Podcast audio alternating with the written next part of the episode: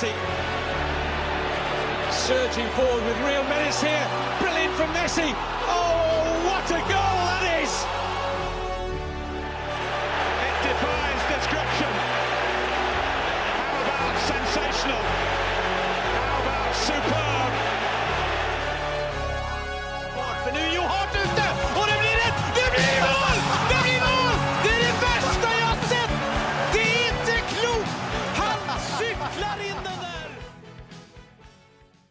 Ja da! Da var vi tilbake igjen. Det er eh, tirsdag kveld eh, på Slatum Slattum terrasse. Vi sitter i studio. og Ikke Her, si hvor jeg bor, da! Får jeg alle disse damene på døra? ja! Det, det, det, hadde vært feil. Nei, nei, Det hadde vært feil. Det hadde vært helt feil. Sånt vil du ikke ha. Nei, nei, nei. Få det bort. Få det bort! Mats Granvold, eh, coladrikkende Mats Granvold, kommer rett fra trening. Hallo? Kommer rett fra turning. Rett fra turning, ja. Har du utvida tre, jeg har begynt å trene turnere. Tenkte jeg var for, var for lite utfordrende med fotball, så da tar jeg en ny idrett. Hadde du sittet lenge nok i den trenerstolen for, i tredjevisjon der, så hadde du eh, rett og slett bare runda det og dratt Ja, jeg hadde vært i Tippeligaen. Ja. ja, ja, så nå er det turning. Nå har jeg begynt med turning. Ja, ja. Se om jeg greier å få en OL-medalje der som trener. Arabi flikkflakk, er det ikke noe som heter det? Ja, Er ikke det sånn eh, baklengs, og så avslutter du med salto eller noe sånt? Mm, mm, mm. Søren var imponert over turnekunnskapene dine. Kan du noen flere turne... Absolutt ikke. Det er bom og skranke og ringer og, og frittstående. Nei. Ja, nei, Frittgående. Ja, ja, frittgående. Er Søren Øvker, frittgående. Nei, frittgående, ja, men uh, tuen, nei. Nei, nei, nei. Eh, fryktelig dette turninga, for å være helt ærlig, men eh, nok om det. Nok om det. Eh, det er fotball vi er her for. Ja. Eh, har dere det bra siden sist? Ja, det vil jeg da si. Mm, mm. Fint at, eh, fint at det fortsatt er isglatt ute, men eh, ellers går det veldig fint. Ikke fått rånaen enda, eller? Nei, ikke ennå. Venter på at eh, det kommer til å skje på det tidspunktet. Det må jo skje. Og jeg har gått ned med to der. Er liksom Ja, Om å gjøre å få det fire dager nå. Om å gjøre å få flest mulig til å få det. Mm, mm. Jeg hørte at i England så vurderer de jo å bare fjerne isolasjonstida også, og bare altså, behandle det som alle andre sykdommer. Det vil si at ok, er du frisk nok til å gå på jobb, så går du på jobb. Vi må jo starte med det på et eller annet tidspunkt, Mm. tenker jeg. Ja, den omikron-varianten er jo heller For de fleste i hvert fall ganske mild. Ja, ja. Så er det noen som har fått den òg, sånn skikkelig, har jeg hørt. Ja da, jeg veit det er en nabo her faktisk som lå lenge. Mm. Eh, Så, så den er ikke For enkelte så er den nok tøff, den òg. Ja, ja. Um, det var eh, ingen eh, Premier League denne helgen, men um, vi fikk så mye spørsmål om FA-cupen at vi må dra litt igjennom den. Skal vi bare sette i gang, eller? Ja. Da, da gjør vi det.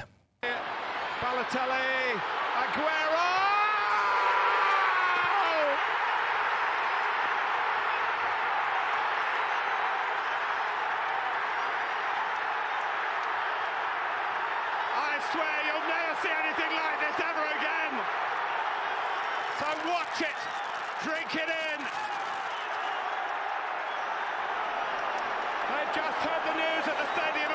Ja, eh, FA-cup, ja. Det, det spilles det jo i England, og, og engelsk fotball står jo såpass høyt at eh, selv om, eh, selv om det ikke er Premier League, så får vi jo bøttevis av Premier League-spørsmål, og det, det, det, er, det er jo hyggelig, det. Vi kan dra igjennom dem, det må vi jo bare gjøre. Dere kjører vel ikke FA-cup, sier eh, Oskar Carveio Holm, men dere kan kanskje snakke litt Louis Diaz-debut for det? Eh, skal vi gjøre det? Det var jo en meget god debut. Ja, han starta med en assist, han. Forarbeidet der var jo strålende. det. Det, det, det kan du trygt si. Eh, så du kampen, eller? Så Nei, det gjorde jeg ikke. Jeg så litt høydepunkt etterpå. Må jo må alle innrømme at uh, med tanke på programmet vi har på podkasten, blir det litt andre prioriteringer uh, sånn kampmessig denne helga. Det gjør jo det. Du prioriterer jo de kampene vi skal snakke om, men eh, jeg fikk med meg denne kampen, og Luis Diaz han kommer inn og Ja, eh, Supersub Sivert sier han også her. eh, Vet ikke om dere følger med på FA-cupkampene, men noen ord om Diaz og Harvey Elliot. eh, Hvor viktig tror dere de kan bli for Liverpool resten av sesongen? Når, altså, for det første, Harvey Elliot han kommer inn 30 minutter før slutt, og blir egentlig for meg banens beste. Eh, outstanding prestasjon. At han har vært ute i fem måneder, det er eh, nesten eh, Det var Ikke lett å se det. Nei, det var ikke lett å se i det hele tatt. Edias Altså, når han drar den der finta Tofotsfinta der. ja, og kommer seg inn og får, får lagt den inn der til Minamino, så, så Altså, det var litt sånn Husker du når Luis Suárez dreiv og tråkka inne i boks? Mm. Liverpool-fansen må jo ha fått en eh, Ja, hva kan du si? En, eh, Déjà vu. Ja, en liten déjà vu til det. Eh, veldig bra. Jeg tror disse to kan være veldig veldig viktige i sesonginnspurten til Liverpool. Ja, jeg er helt enig, og særlig når det kommer til alternativer i, i troppen. Jeg har snakka litt, eh, litt om det, særlig, særlig på de eh, på de tre offensive, særlig Mané og Salah, at man nå har funnet et eh, alternativ som tilsynelatende går inn og er et ekte Som ikke alternativ heter Yota. Ja, ikke har jo Jota. Ja, men jeg, tenker, men jeg tenker jo Jota, Jota er jo kanskje litt mer alternativ på, på spissplass òg, da. Men en annen type enn Firmino, da. Så Ja, ja. det blir jo mer Jo. dynamisk sånn sett, da. Mm. Men jeg tenker jo at det er, det er strålende å få enda mer kvaliteten også i bredden til det laget der. Ja, eh, OJ Haaland. Tror dere Sadio Mané kjenner på presset etter Yota og Diaz-kjøpene, siden han begynner å snakke i sosiale medier om å dra andre steder? Du kjenner på presset etter Jota-kjøpet, i hvert fall. Det er jeg ganske sikker på. Mer enn Mané! Ja, Mer enn Mané! Eh, nei, nei, hva sier vi til det? Han flørta jo med Marseille der. Ja, jeg tenker jo altså det, handler, altså det kan godt hende at han, eh, at han føler litt på press. Det er jo mer kvalitet inn i laget, og han må kjempe for plassen. Eh, for all del, men jeg tenker jo også du har jo vært inne på det i vår forrige episode der vi snakket om, eh, om overganger, at det er jo kanskje den siste store kontrakten. Og at man da kanskje flytter litt og, og prøver å styrke sin rolle, det er ikke så uvanlig, det. Altså, han blir jo 30. Han går inn i sitt siste kontraktår eh, når sesongen sparkes i gang i, i august neste år. Nei, dette året, faktisk. Dette året. Så hvis Liverpool ikke skal gi ny kontrakt, da tenker jeg jo at de må selge den til sommeren. Ja, hvis ikke så må det gå gratis, ja. Og jeg, jeg, jeg kan liksom ikke se for meg helt at han går gratis. Og jeg, jeg ser heller ikke for meg at de forlenger kontrakta med både Salah, Firmino og Mané. Én eller to ryker. Jeg tror- jeg tipper den første som er på rykelisten, er Femino. Tanke på Ja, kvalitet. ja, ja, kanskje, Han er kanskje. en Klopp-favoritt, da. Ja, han er jo det. Ja, Og så er han en kombinasjonsspiller. Altså, han er litt annerledes enn de andre Mm. fremme der. Så, så, så, så Og jeg ser liksom mer for meg at Firmino skriver en toårskontrakt, da, enn at Mané gjør det. Ja, Og så blir det sikkert billigere med Femino, da. Mm, det er det jeg mener. Det er det jeg mener, og da Det kan godt hende han kjenner litt på presset der. Det vil være dumt av Liverpool å, signere langtidskontrakt med alle de tre, så de, og det virker jo som Sala er prioriteten deres. Mm. Så da Ja, det er fortjent òg. mm. Eh, Jonathan Hobber. Eh, Nicolas Pepe var meget god i Afrikamesterskapet. Tror dere han kan få en oppsving, eller er det en lost case? Heller mot det siste. Lost case, Ja. Og oppsving i Afrikamesterskapet, det er det jo flere som har hatt. Ja, altså, altså, må man, altså, altså Det var fire kamper, og det var vel mot uh, Jeg husker ikke, jeg tror det var Equatorial Guinea, Sierra Leone, et Algerie som var helt ute av det, og Egypt. Ja. Uh, så altså Det er jo ikke den høyeste altså med, med all respekt, det er jo ikke den høyeste kvaliteten på motspillet man nødvendigvis uh, møter deg. Eh, og man møter nok litt andre kaliber i Premier League. Men, men, men samtidig ja, Han var jo voldsomt god mot slutten av forrige sesong, da. Mm. Har fått lite tillit i år. Mm. Nei, Det blir spennende å se, men uh, ja. Uh, godt Afrikamesterskap, det hadde han jo. Han kom ikke inn på noen av drafta våre, faktisk, Uh, så vidt jeg husker. Nei, men da har man jo andre spillere Ja, i Elfenbenskysten det er man prioriterer. Altså, du, du hadde Salah, jeg hadde Mares. Det er egentlig du som valgte å vrake PP. Og hvem var det for igjen? Er det, husker dere det? Du hadde Saha på topp. Du sammen. hadde Mané på venstre, Ja. og så hadde du på høyre hadde du Nå ble jeg usikker. jeg, hadde, jeg hadde Ben Rama på den andre kanten min. Jeg husker jeg vurderte Ismael Sarr. Uh, Men hadde du noen spillere fra Elfenbenskysten, da? Nei, det tror jeg også. Joab Saha. Ja, han, han var på topp. Ja. Nei, da, det, nei vi de, de, de, nei, de, Onana Kamerun. det, Det var kanskje dumt dra fram den. de, de som lurer, de kan jo høre på eh, slutten av eh, forrige episode. Eh, Petter Støvland. Hva tenker Thomas om eh, Brighton-seieren? Romero og Son tilbake. Kulisevskij og Bentancour innhoppende. Romero var fantastisk. Det er eh, stopperspill av høy, høy klasse. Det er, det, er, det er så vilt, da, det han presterer i den kampen der. Eh, Son, frisk, gjør jo mye av 3-1 der. Eh, er jo seg selv. Eh, klart disse to skadefri vil jo øke eh, sjansen for topp fire betraktelig. Jeg syns også det kommer godt ut av det, både Kulisevskij og Bentakor når de kommer inn. Så jeg syns det Altså, førsteinntrykk meget, meget bra. Og jeg tror hvis han kan få lov å, å bruke denne stallen her skadefri framover, så tror jeg det blir Champions League på Tottenham. Jeg er ganske sikker, egentlig. Ja, da, da, føler jeg meg ganske trygg på at det er Englands fjerde beste lag. Ja, da skulle du sett United i FA-cupen i. Ja, de, de røyk på en liten smell, dem. Ja, de fikk 1-1. Leda jo også ja, det var en hens-situasjon der som ble det kanskje mest diskutable i hele matchen. Selvfølgelig At United røyk ut mot Middlesbrough hjemme, var en strek i regninga. Mm, mm. Eh, en kompis av meg han eh, sendte meg en snap hvor det sto 'ja da' og bilde av United som jubla der, og så fikk jeg ikke mer. Nei. det skjønner jeg godt at han ga seg mens leken var god. Eller så kan vi jo bare nevne at Everton under Lampard imponerte jo. Ja, jeg leste at de har ikke skåret en eneste Eller under Benitez har de ikke skåret fire mål i en eneste match, og så gjør de det med en gang under Lampard. Kommer Lampard og bare dang! Det sier vel litt om de to mentalitetene der. Ja. Um, Supersub Sivert og Nisselue på, begge lurer på om dette med Kurt Zuma. Da, vet du, han starta han også, ja? Ja, fy fader. Det, det er helt krise. Hva er, hva er det, det Westham tenker med? Hva er det Moyes tenker med? Altså Her er det et moralsk kompass som må ja. stilles inn altså hos både trenere, klubb og spiller. For dette, at de godtar dette, det Altså Fotballspillere de tar seg mye friheter, og det veit vi, men når du legger ut på sosiale medier ja, altså, han, altså, det, det, er ikke ta seg friheter. Det er, altså, det er kriminelt. Det er dyremishandling. Men, men, fotballspillere tar seg mye friheter. Ja, jo, jo. Både med det motsatte kjønn og med dyr og Jeg vil jo kalle det altså, jeg vil kalle det for, og busker og Jeg vil jo kalle det for kriminell handling, rett og slett. Ja, ja. Ikke noe annet. Ja, ja. Altså, eh, Nisselue på er jo inne på det her. Eh, fengselsstraff eller samfunnsstraff, det burde jo og, Ja, begge deler. Altså, og Western bør jo suspendere. Ja, selvfølgelig. Herregud. Det var jo det rapportene gikk på tidligere i dag. Om at han skulle bli altså på en måte suspendert uh, av klubben fram til dette. Og så starter han! Jeg trodde ikke mine egne øyne. Jeg. Skam til Westham, altså! Mm. Han har mista mye av min respekt nå, både Moyes og, og Westham. Mm.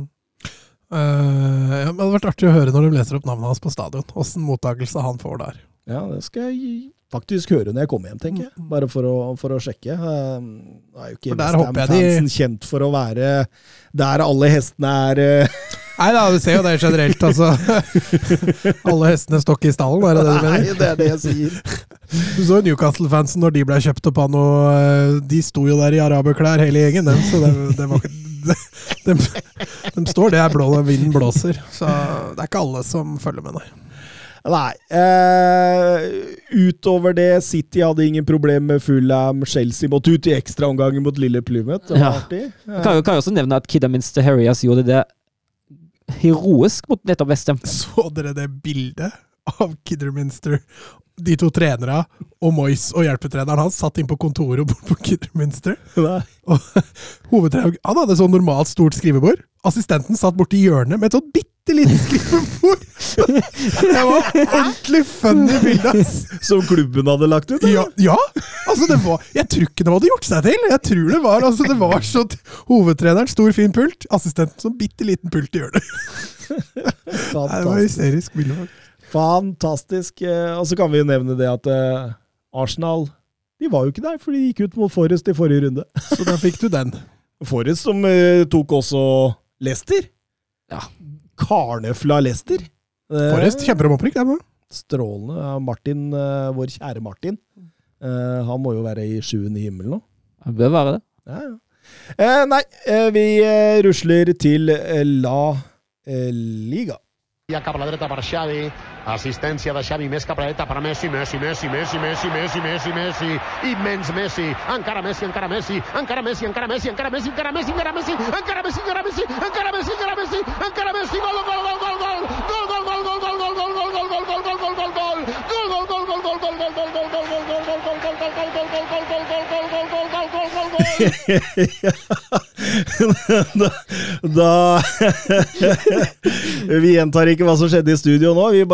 sier at vi går til La Liga, vi. Og um, Osasona mot Sevilla, Mats. Ja, det blei jo et gjesp, det. Men uh, gode, gode, nyheter for Sevilla, som har fått tilbake en god del skade fra skade. Pluss uh, plus da selvfølgelig de som har vært i Afrikamesterskapet. Så de greide jo nesten å fylle halve benken med forslagsspillere nå, for første gang på lenge. I tillegg til at uh, Martial debuterte, og det var vel kanskje den store, interessante inngangen der for å følge med åssen han skulle få det til der. Ja, det var det jeg sa til eh, Søren før sending her også, for han spurte har du sett Wolfsburg. Nei, ikke hele, så jeg, jeg prioriterte Sevilla fordi jeg syntes det var veldig Fikk du valuta for penger? ja, jeg, jeg, jeg, var veldig spent på å se Martial. Uh, det var mye av det jeg Altså, Shimi Avila, selvfølgelig. Jeg ser gjerne en fotballkamp med Shimi Avila, jeg. Men, uh, med Marcial for meg her nå, det var sånn Ok. Og vi får jo et spørsmål om det her fra OJ Haaland også. Imponerte Martial? Jeg fikk ikke sett kampen, sa han. Nei, jeg syns ikke det. Nei, jeg syns ikke det. altså, det, var, det var altså, nå har han jo vært i klubben i tre kvarter, da, så vi skal vente litt med å bedømme det. Men og så se hvor lite han fikk til United, og så kommer han til Sevilla, og så er det akkurat det samme. Altså. Jeg, jeg, jeg, tenker at, altså, Når jeg sammenligner det han presterte med det, og Campos pleier å prestere på hans posisjon Altså, Det er jo to forskjellige verdener. Og Campos måtte jo kaste inn håndkleet under oppvarminga. Ja. Altså, det var jo et kjempetap for ja. Sevilla, fordi det offensive hos Sevilla altså det, Nei, Det er tynn, tynn suppe, altså. Det, mm. Men Sevilla fikk jo også skade tidlig i kampen, så de måtte gjøre enda en endring. Mm. Og han rokerte så fryktelig! Altså, ja. Det var liksom ned på, mm. fra kant ned på bekk. Og så, så han ruller, Gudaili starta høyre bekk, og så ble han dytta opp i midten. Og, mm. Altså, Én ja. ting er at én må ut med skade, men du rokerer da på halve laget for å få inn en ny mann. Ja, ja. helt klart. Ja. Altså, jeg syns jo all ære til Osasona. Jeg syns kampinngangen til Osasona der, den er jo veldig bra. Uh, høye presser som fungerer bra, tvinger Sevilla til å slå langt, og så flytter Sevilla én eller maks to spillere opp, så de lange ballene er jo ikke noe problem. Så blir det ikke noe gjenvinning, og Osasona er det soleklart beste laget de første 45. Ja, absolutt, og, og jeg, jeg, er for så vidt helt enig med deg, Søren. Jeg Syns jo de er fullt på høyde i annen omgang òg. Ja, men da, da, blir Sevilla litt bedre. Sevilla flytter flere spillere opp, og det blir litt ferdigere. De, de, prøver, de ja. prøver, men de, de, får jo ikke særlig mye til. Nei, det kan litt farligere var kanskje en overdrivelse. Det blir litt mindre ufarlig, kan vi si sånn. det blir litt mindre ufarlig, det er riktig orda. Men, men så blir det voldsomt farlig når man passerer 90 der. Ja, da får Sevilla et straffespark, altså, og får en gyllen mulighet til å, til å knappe inn forspranget til, til Real Madrid. og jeg er enig med Søren. Det hadde kanskje vært litt flatterende at Sevilla skulle rane med seg tre poeng derfra, men uh, å brenne straffespark, det er for å sitere Ivar Hoff, det er like enkelt som avspark. altså. Mm, mm. Men det er klart, presset der var jo stort på Rakitic, men han, han svir. Og, og, vi fikk ikke målet, da, for, men, men Eh, den jubelen til Herrera og, og, og, El Sadar i himmelen der, mm. det var nesten verdt det, da, den mm. straffebommen. det er glede, glede. Absolutt. Og så fant jeg noe tall på Rakitic. Altså, altså, han har kun 58% uttelling på alle straffespark han har tatt for eh, Sevilla. Det er dårlig. Det, det er nesten én av to, altså. Ja. Det, det, hvorfor, hvorfor tar han straffespark, da? Ja, og Campos var jo ikke på banen. Marcial var jo altså, tatt av. da, så jeg vet ikke, altså Han var jo den mest erfarne igjen på banen. Ja, men altså et straffespark har jo i snitt 78% sjanse til å gå i mål, hvis du tar en gjennomsnittlig spiller. Og det må jo være en eller annen i det Sevilla-laget som var på banen, som skyter bedre enn 58 da. Jesus Corona har tatt noen straffer for Porto, han. Nei, det er ikke godt å si. Det, men det blei to tapte poeng for Sevilla, dette her, og de fortjente vel kanskje ikke bedre. Nei, jeg syns uavgjort for så vidt var greit. Selv om, eh, selv om når du brenner straffe på overtid, så føles jo dette sikkert fryktelig bittert for Sevilla. Mm.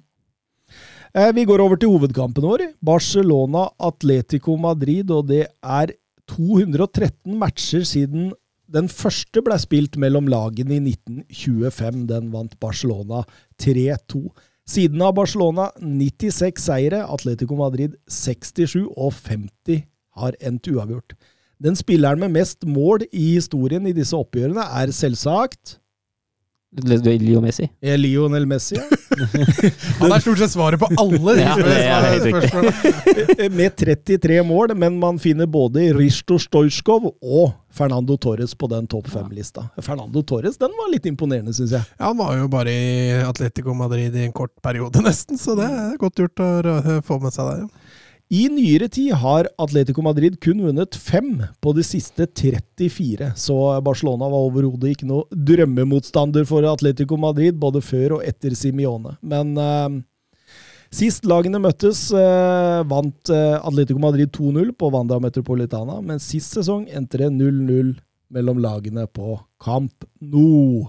Um, lagene, Mats. Det, det, dette var et frisk Barcelona-elver i forhold til Ja, nå er det jo ja, Det er klart de har jo 72 mann å velge mellom uh, i frontleddet der. ja, men, men, men, men, artig lag. altså ja, ja. Veldig ofte sittet og sett på Barcelona, altså så kommer lagoppstillinga opp, og så liksom Ok, det er dette jeg skal bli servert. Huyut-glad og, og, Luke de Jong og Martin Braithwaite og, og men, men, men, nå syns jeg liksom Det er topp tre på favorittspillerne mine, faktisk. men, men nå, nå, ser jo laget artig ut, på papiret. Ja, og så går jo, går jo inn kommer inn en ny en der som bare går inn og tar taktpinnen med en gang, og det, det, blir jo ekstra gøy. Men du får en herlig blanding her. De Jong som begynner å sprudle litt igjen, en, en Pedri og en Gavi som alle vil egentlig se på. Eh, og så da nyinnkjøpte Dama Traoré, da, som blei veldig spennende å følge med på. Når det gjelder Atletico, så han fortsetter jo med denne firebeckslinja si. da. Jeg har jo vært veldig mye opp og ned når det gjelder trebeckslinje, firebeckslinje. Um, Carasco igjen, som vi har vært inne på før, har ikke lykkes helt på den høyrekantrollen. Uh, Nei, altså, altså er det jo, Ved unntak av, uh, av Savic som kom inn for, lå de det samme laget som uh, starta horribelt mot Valencia og lå under 2 til pausen. Mm. Mm. Så litt overraskende at en ikke tar noen flere bytter, syns jeg. Nå er det jo en stund siden den kampen, da. Jo da, men ja, uansett. Eh, kampen eh, Atletico Madrid legger jo seg umiddelbart. Altså, det, det, det, du snakka om 4-4-2, og det var nok utgangsposisjonen, men det er jo mm. nærmere 4-5-1 når Barcelona har eh, ball der.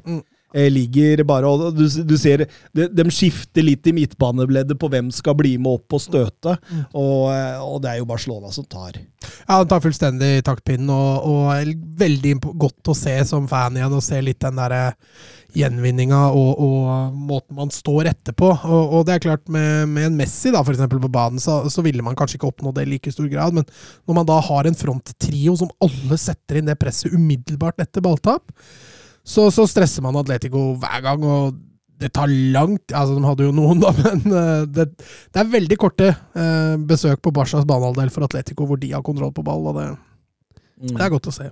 Jeg likte også godt hvordan, hvordan oppbygginga til eller frispillinga til Barcelona var med å trekke Alves inn sentralt. Mm. Uh, over... var, litt, var litt Cancelo over det? Ja, litt. Jeg sa det til Thomas før, før, før sending òg, ja. Uh, og overloade den venstre sida. Presise crossere ut mot begge. Klarer å isolere Traoré ut én mot én mot Hamoso, som jeg tror fortsatt ligger, ligger et, sted, et sted på kamp nå der.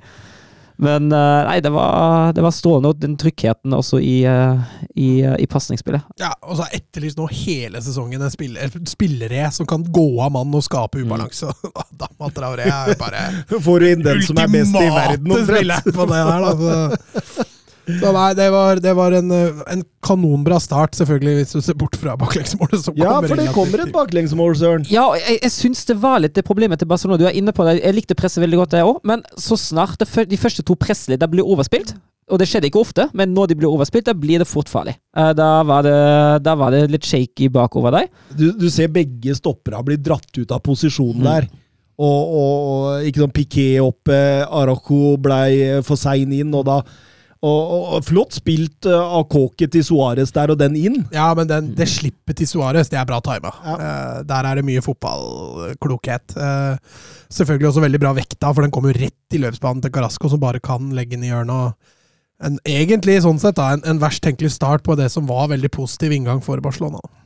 Og en best tenkelig start for Diego Simione, egentlig. Ja, akkurat som man vil ha det. Ja. Ligger dypt, ligger kontrollert, leder 1-0. Perfekt. Men det som skjer to minutter etterpå, det kan du ikke garantere deg for. Nei, altså, det, du, du, du, har ingen garantier for akkurat det der. Nei, men det, men det, er jo Det kommer jo også fra gjenvinning. Barcelona gjenvinner jo ballen to ganger i, uh, i kjapt etter hverandre før skåringa kommer. Og ja, det som skjer etterpå, det, ja, det er jo Nei, kandidat årets mål. Ja. Mm. Men, for en treff han får der. Men han treffer den vel ikke reint? Han får jo ikke så bra treff. Hvis du ser det i slow motion, så treffer han litt høyt opp på rista. Ja. Som gjør at han får den skruen og den buen. Ja, Men jeg tror ikke han mente det. Det kan godt hende at det ikke var med vilje, men treffet er vanvittig bra. Ja, det er helt enormt. Det er helt Og, og, og det er sjelden du ser sånne mål. Fordi Altså, det så ut som alt gikk i slow motion. Altså, det var helt merkelig å se på. Og det, altså, det, det, Altså, den er helt oppi bøyla. Ja. Helt oppi bøyla. målet er målt til en XG på 0,05. Ja. Nei, det var det ikke på TV! Nei, det er, ja, ja, så du det? Det er jo galskap. Høyere XG på Alba sitt mål enn Carasco sitt mål. Hæ? Det var jo, Ja. ja, Hva i alle dager? det var dager? 8 sjanse for Carasco-skåring, og så var det 12 sjanse på Alba-skåring.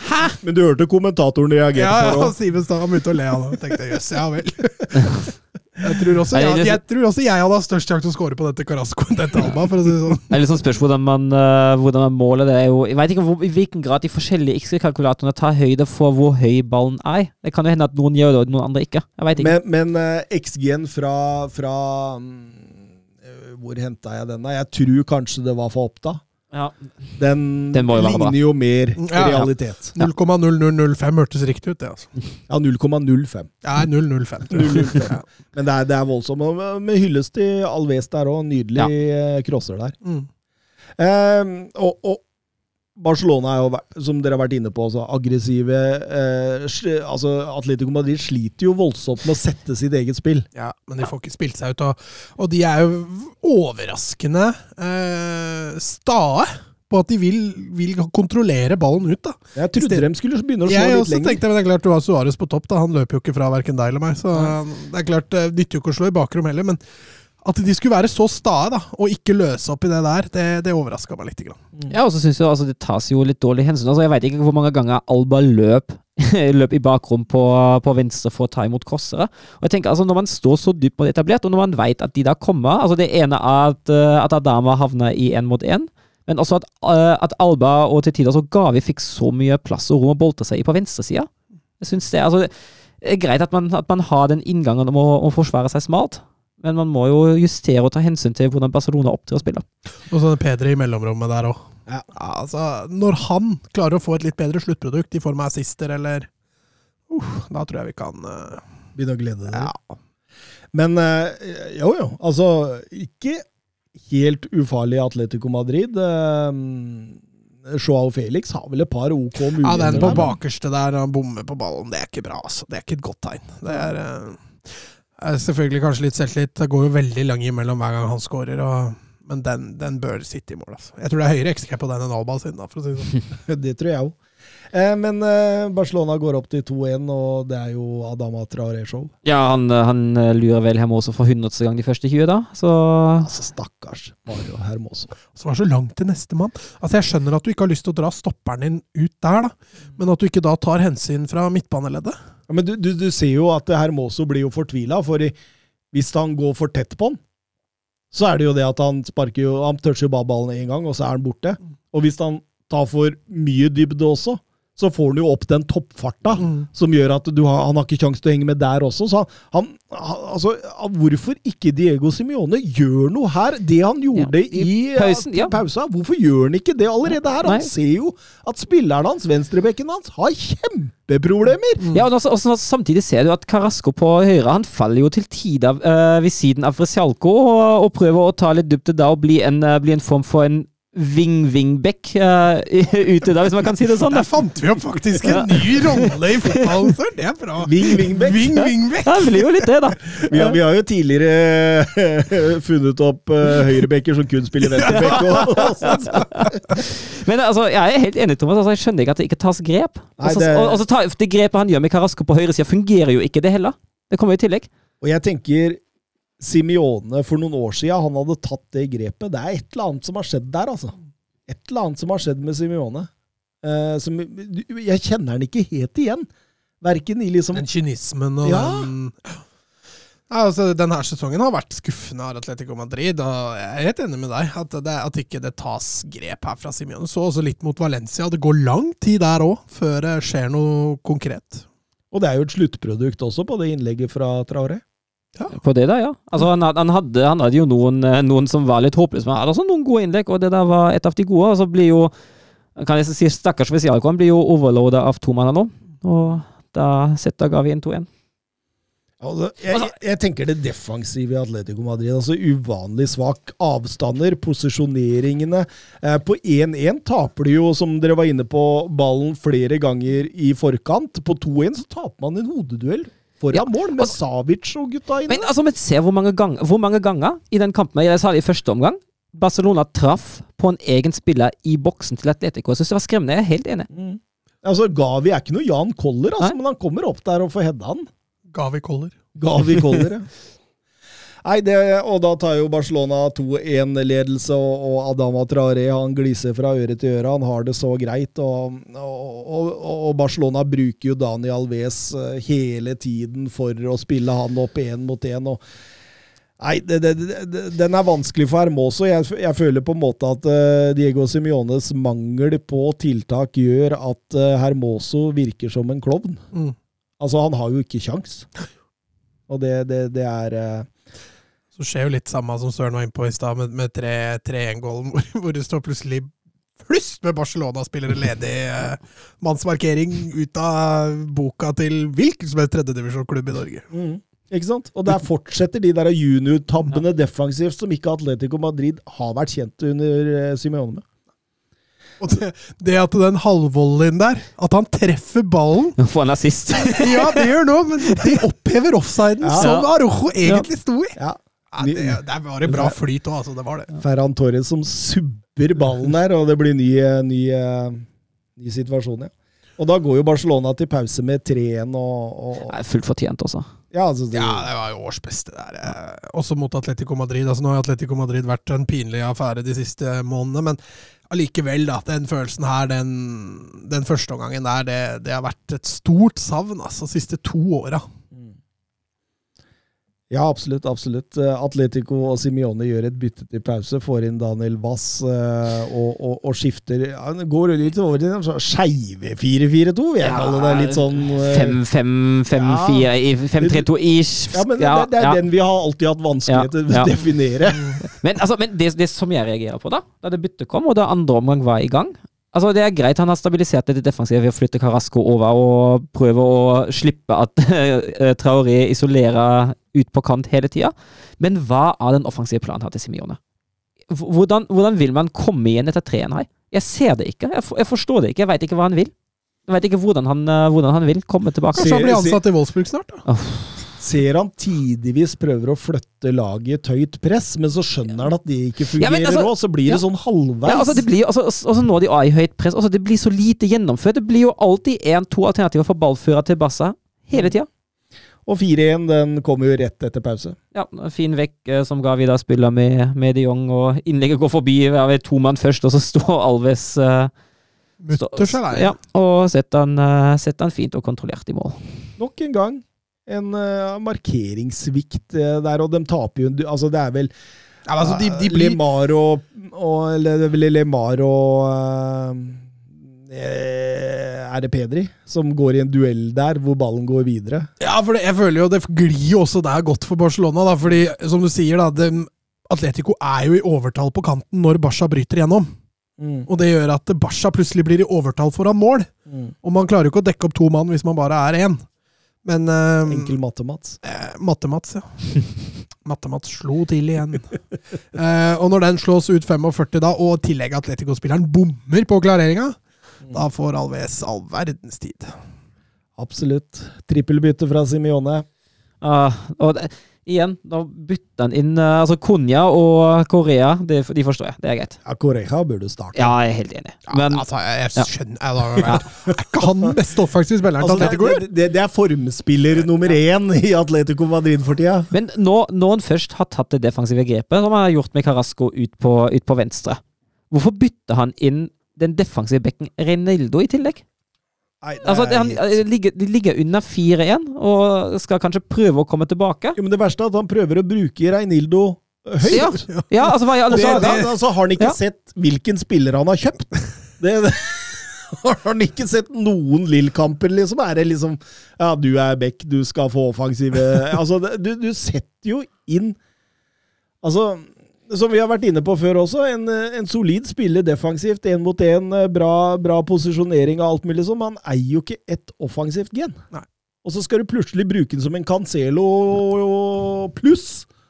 Nei, nei, jeg fatter det. Altså, står til stryk på den der kampen der fra Diego Simione for min del. altså.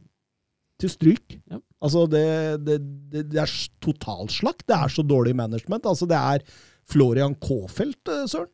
Ja, han, Er det eh, nederst på den ranken? Ja, det er faktisk ganske langt. hva er Pep Guardiola øverst, og så er det. Kofelt i Altså, bånn, og da er så er, er alle i midten, da. Men Ja. akkurat nå er Simione på høyde med Kofelt. Ja, i den kampen, ja, det var en Kofeld-kamp. Jeg vil til og med si at Kofeld, eh, klarte faktisk å manage laget sitt litt bedre i, i helga enn eh, Simione.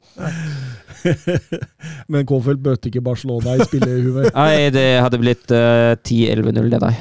Men, men, men det blir jo bedre etter hvert. da Atletico Madrid de får målet til Suárez der, og um, han avslutter den lengste måltørka han har hatt i La Liga noensinne der, eh, på åtte kamper. Og, og ehm, ja, ja, det er typisk sånn goalgettermål, corner Ja, på rett sted til rett tid der. Mm. Og, og, og den blir jo bedre da, og så skjer jo dette med det røde kortet. Og vi har fått et spørsmål fra Fredheim her, Vebjørn med fornavn. Eh, mer rutine enn de fleste. Laget ditt har full kontroll. Alt går på skinner. Hva i alle dager driver Daniel Wes med, fra konge til narr på kort tid der? Ja, jeg er helt enig. Det er ikke noe å legge til. egentlig. Så hva han driver med, det veit jeg ikke om han veit sjøl engang. Det er Nei, det tror ikke jeg heller. Jeg tror ikke han veit at han gjør det. Det ser jo ikke bevisst ut, men det er jo fryktelig klønete. Ja. Jeg syns det ser bevisst ut. Syns du det ser bevisst ut? Jeg syns ikke han ser Ja, uh... men hva, hva oppnår han med å Nei, løfte det, det er jo det jeg det. sier! Det er jo fryktelig klønete! Ja, men da, da er det jo Altså, du løfter jo ikke beinet sånn hvis du altså Ja, men han tråkker den jo på akillesen. Ja, eller bak på leggen, Mhm. nesten. da. Ja. Nei, jeg, jeg, Horribelt uansett. da. Og helt fortjent at han ble utvist for det. og, og da har jo liksom på en måte Atletico Madrid fått den der 4-2-skåringen som gjør at de Jeg får et lite momentum. Ja, ikke sant? Og, og da setter du laget ditt i en jævlig dårlig posisjon. Ja, helt enig. Men da også fremstår Barca ganske profesjonelle etter det. da, Så kynisk profesjonelle, hvis jeg kan si det på den måten. Eh, Dest kommer inn, og så får de inn en ny høyrebekk, og da, da er det bare å, å, å tyne ut det resultatet her. Ja, altså det blir, jo, det blir jo en litt hektisk kamp mot slutten. Det blir mange frispark, lite flyt. Eh, akkurat som Barcelona ønsket seg, tenker jeg. Uh, så blir blir de legger jo Aubameyang på topp, Ja, og så begynner det- de å slå litt lenger Ja. på Aubameyang. Men han får jo faktisk tak i ballen innimellom, så de får Mm. faktisk flytta opp laget litt. og det Atletico skaper jo ikke de De klarer jo ikke å skape det vanvittige trykket da, som man kanskje burde klart. Men uh, all honnør også her til Barcelona, som faktisk greier å omstille det der. Mm. Ja, ja. Absolutt, absolutt. eh, meget, meget fortjent seier til eh, Barcelona der, og uh, tenkte litt eh, for, å, for å fullføre Simione, eh, ta ut kåket kvarter før slutt for å sette inn på Herrera. Og, og, og, og kanskje også den Var en tabbe å ta ut Thomas LeMar Ja. fordi, til pause der? Fordi altså da, All kreativiteten sto på Carasco. Ja, altså, altså tenker jeg, altså, du, du jager Det er, to- det er 4-2. Du har én mann mer, og du jager mål. Du skal, få, du skal prøve å jage mål på et kvarter og utligne her. Og så har du samtidig Reinildo, Savic, Jimenez og Vass på banen mot én Barcelona-spiss. Hva, hva er vitsen? Jeg skjønner Nei, det ikke. Nei, det er ikke vits. Og de, de står jo med den fireren stort sett også når, når, når Bar- med en gang Barcelona får ballen. Altså, det er jo ingen som De tø, står jo ikke opp med spillere igjen liksom, og prøver å ta altså, det er det er, Nei, nei, nei, Diego Simione, dette her var ikke bra. Det, du er mye av skylda til at det gikk så gærent, men at Barcelona var best, det er ingen tvil om. Eh, Atletico Madrid spiller, eh, nei, slipper inn eh, fire kun for tredje gang under Diego Simione. Mm. Den første var mot Barcelona i 2012. Eh, og Jara Piquet klatret opp på likt antall Barcelona-kamper totalt som Puyol eh, med denne kampen, og har kun Busquets, Iniesta, Savi og Jeg Hvem var det nå? Messi? Messi. Det, det, er bare, det, det, eh, Det er bare å svare Jeg vet ikke om han fikk med seg spørsmålet engang, men det, det, det, det var Messi. Messi. Eh, Resultattipset så er det kun Mats som drar av med poeng. Han tippa 2-0. Eh, Søren og, og meg selv vi, vi dro på en uavgjort, vi. 0-0 og 1-1. Ja. Er vi likt da, eller? Jeg tror du leder Jeg kanskje tror mer. ikke vi har kontroll på det Vet der hva, jeg det skal, jeg, hele skal, tatt. jeg skal regne ut før neste helg hvordan det ligger. Altså. ellers er vi likt. Ja, en av de to. Helt enig. Eh, banens beste. Ja, jeg kan godt begynne. Jeg, Adama Traoré får tre poeng. Han lekte jo med Hermoso i det første gangen. Han blir litt mer anonym i andre, men uh, mye av det som Barca skaper i første gang, er jo han. Jeg tar med Jordi Alba på to, mye pga. den golden, men uh, jeg syns han var fryktelig frisk på venstresida. Og, og var også en veldig viktig bidragsyter at Barca hadde mulighet til å vende mye spill offensivt, fordi, fordi han var med å skape det overtallet på venstre. Den ene kunne gitt uh, til flere, men jeg gir den til Frenkie de Jong. Uh, For en motor og igangsetter han er i midtbaneleddet. Kanskje litt heldig som ikke får det rød, eller? Litt- Ja, Ja, greit. Han, går, greit. han går inn med mye Ja, kraft der, altså. Greit, greit, ja, greit, med, ja. greit forsvarlig med Høres ut som det er. Bra. Det kan, gule kan vi i hvert fall forsvares, tenker jeg. Så, ja. Eh, Jeg har Gavi på tre. Eh, Jeg syns Gavi spilte en strålende kamp, eh, kamp på venstre, i motsetning til Traori. Grunnen til at ikke han er på, på tre, da, som du er inne på, eh, andre omgang. Jeg syns så lenge Gavi er på banen, er han, er han god og farlig på, på venstre. Traori tas litt, blir litt mer anonym i andre. Men han får to av meg. Eh, og så gir jeg også én til, til de Jong. Jeg vurderte også Alba, men jeg syns det var Til hvem? de Jong. For en. Eh, men jeg, jeg vurderte også Alba, men så syns jeg han var litt svakere defensivt. Det er derfor han ikke får fra meg. Ja, han er jo, det er jo han som ikke er på plass på 0-1. Mm. Um, det gjorde at Alba gikk litt ned på listene for min del også. Jeg eh, har, um, jeg har um, Adama Traoré på tre. Um, det, det, det handler om at uh, han er så vital i det at Barcelona har en 3-1-ledelse til pause. Eh, det er som du er inne på, Mats. Ah, med en gang Carasco blir flytta ned der, og det blir ofte to mot én, så forsvinner han jo og blir tatt av etter eh, timen. Men en voldsomt god debut. Eh, meget morsomt å se på. Jeg har, jeg har Gavi på ett. Nei, på to, mener jeg. Eh, syns han var strålende der også. Veldig morsomt samarbeid med Alba opp Mm. på venstre der. Altså, de, de finner hverandre på en fin måte. Og så sto jeg faktisk litt mellom eh, Busquets? eh, Kåke eller Arajo. Og det, det falt på Arajo til slutt. Det gjorde det, men det, det, det, det var en vurderingssak. Jeg hadde også Frenkie de Jong inne der, og jeg hadde, hadde ja, litt, litt forskjellig, men Ja, nå ligger han til at han signerer ny kontrakt. òg. åh. Frenkie? Nei. Arajo. Ja. Men ikke Gavi, eller? For det får vi spørsmål om her fra Steffen Hansen. Hansen. det er litt sånn uh... Ny Moriba, spør han. Nei, jeg tror nok de greier å få en enhet her, men eh, det er helt riktig. Han har ikke signert ennå. Han har forholdsvis lav utkjøpsklausul med tanke på at han har virkelig slått gjennom nå, da. Ja, så er det vel det at hvis han skri, skriver en kontrakt med den lønna han ønsker, som han har på bordet og sier det vil jeg ha, Mm. så går jo Barcelona over den grensa til La Liga igjen, som gjør at Mm. de ikke kan begynne Altså, altså han får ikke, du, du får ikke registrert den i en ny kontrakt, da. Mm. Og det, det, det kan jo være problemet. Jo, men jeg, jeg skjønner jo. Der er det jo noen løsninger da, i form av at de skal være trappetrinnsløsning her. Med at eh, du får så og så mye i år, og så går det opp for lønn da, for hvert år framover. Du kan kontraktsfeste det, ja. Så det, det, det er mulig.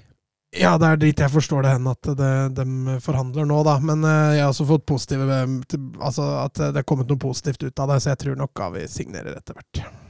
Bra, Mats. Bra, Mats. Eh, Det blir morsomt å følge dette framover nå. Det, det var jo litt nye Barcelona, føler jeg. Litt, eh, litt Savi-stempel. Mm. Så det var gøy. Eh, eh, Real Madrid-Granada. Det, det var jo et veldig redusert Real Madrid. Ja, Hvis du først skal møte Real Madrid som et sånt, litt sånt eh, båndlag, så tenker jeg det er vel ikke noe bedre tidspunkt å møte de på Bernabeu enn med det mannskapet de hadde der, i hvert fall. Ja, og det ble jo så synlig i kampen også at både Benzema og Vinicius var ute. Ja, absolutt, absolutt. Og det Ja, men ja, Real Madrid, altså, men tanken, kanskje bortsett fra de ti første minuttene, dominerer jo fullstendig. Ja, ja. Ja, Men det har jo, altså det har jo med Granada har én mann som ligger og venter på kontringa. Én spiller ligger de, prøv, ja, de første ti minutta så det ut som de prøvde litt, da. Ja, ja, enig, men så, så ga de opp det for å bli kjempedype. Det som, det som Real manglet litt. Altså, jeg føler at Real prøvde mye på det samme, å angripe, å angripe de halvroma mellom eh, bekk og stoppa, og det var Granada godt innstilt på. Så var det litt dårligst tilstedeværelse i boks uten Benzema. Uh, Isco er ikke samme Nei, det blir jo falsk nier. Det blir jo litt det. Uh, og altså var det lite utfordring mann mot mann.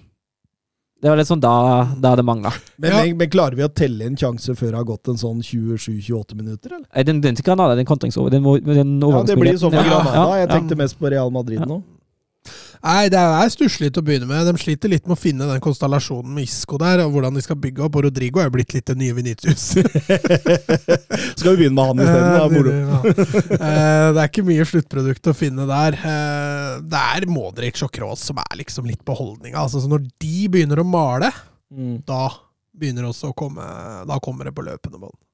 Altså, det, de, de hjelper jo også litt med innbyttene, syns jeg. Både Valverde, Jovic og, og Hazard kommer inn og gjør positive kamper. Ja, Valverde bytte i pausen var viktig. Han Ja. går jo bare rett inn og begynner å skape. ikke sant? Så, Ja. Og så syns jeg også det hjelper at han flytter Alaba høyere opp.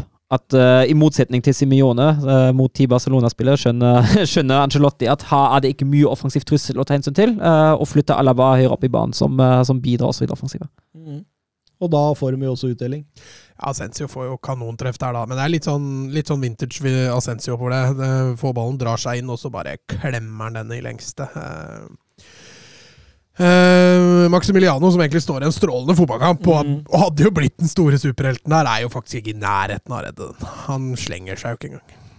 Nei, absolutt. Eh, Asensio har faktisk hele fire mål utenfor boks denne sesongen. Det er mest i La Liga, det, med så begrensa spilletid. Det sier jo litt om skuddbeinet til denne Ja, Men til og med Jovic kom inn og, og, og var liksom Ja, ja.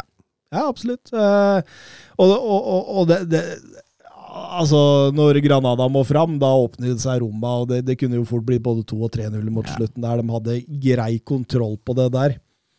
Eh, men nå skal dere høre. Litt artig. Eh, Real Madrid drar dermed eh, nok en gang i land en borteseier eh, etter at det har stått 0-0 til pause. Det har skjedd hele fire ganger denne sesongen. Hva sa du for noe at Real Madrid drar i land? en borteseier etter eh, 0-0 til pause. Eh, Eh, hadde ikke Real Spilte de ikke på på Bernabeu? På Bernabeu? Nå måtte jeg begynne å tenke. Jo, de spilte på Bernabeu. de gjorde det, stemmer det. Hva, hva, men, men det sto faktisk det i, eh, i Oppda der. Eh, men uansett, da. Eh, det, det som er det morsomme her, da, det er at eh, de har eh, De har faktisk Nei, nå, nå, nå jeg, jeg har lest det feil. Jeg har notert det her. Ok. Ok. Prøv igjen. Eh, de eh, drar eh, i land for første gang på Bernabeu.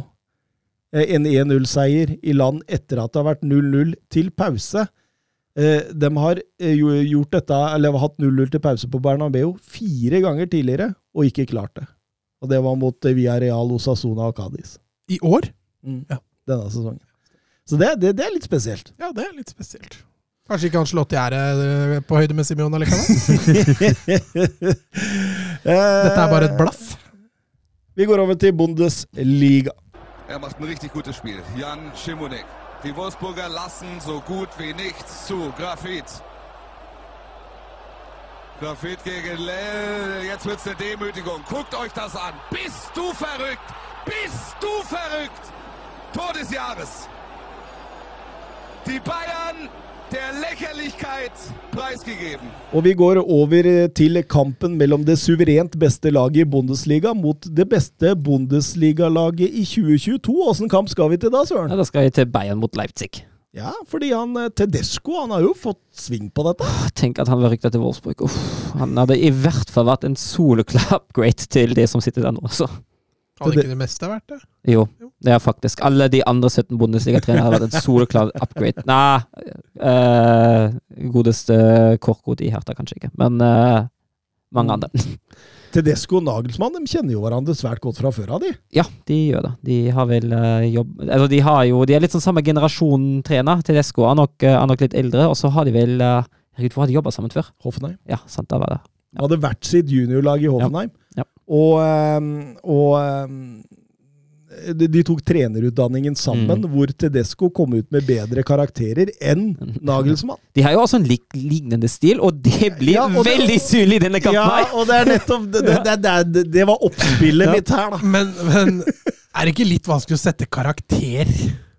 For da har du jo spesielle punkter å forholde deg til i en Mm. trenerutdanning. Ja. Og vi kan vel være enige om at det fins jo ikke noe fasit. Nei, nei, nei. Det er, Så det er jo- akkurat sånne karakterer, det kjenner jeg, det gidder jeg ikke å forholde meg så altfor mye til når det gjelder uh... Nei, men, men, men, men poenget her var jo det at uh, her er det jo to lag med totalt like stilarter som møter hverandre, og Mm. da blir det jo Kampen blir jo som han blir. Ja, for det var jo en fryktelig underholdende fotball. Ja, fryktelig morsomt. Veldig, to veldig offensive lag.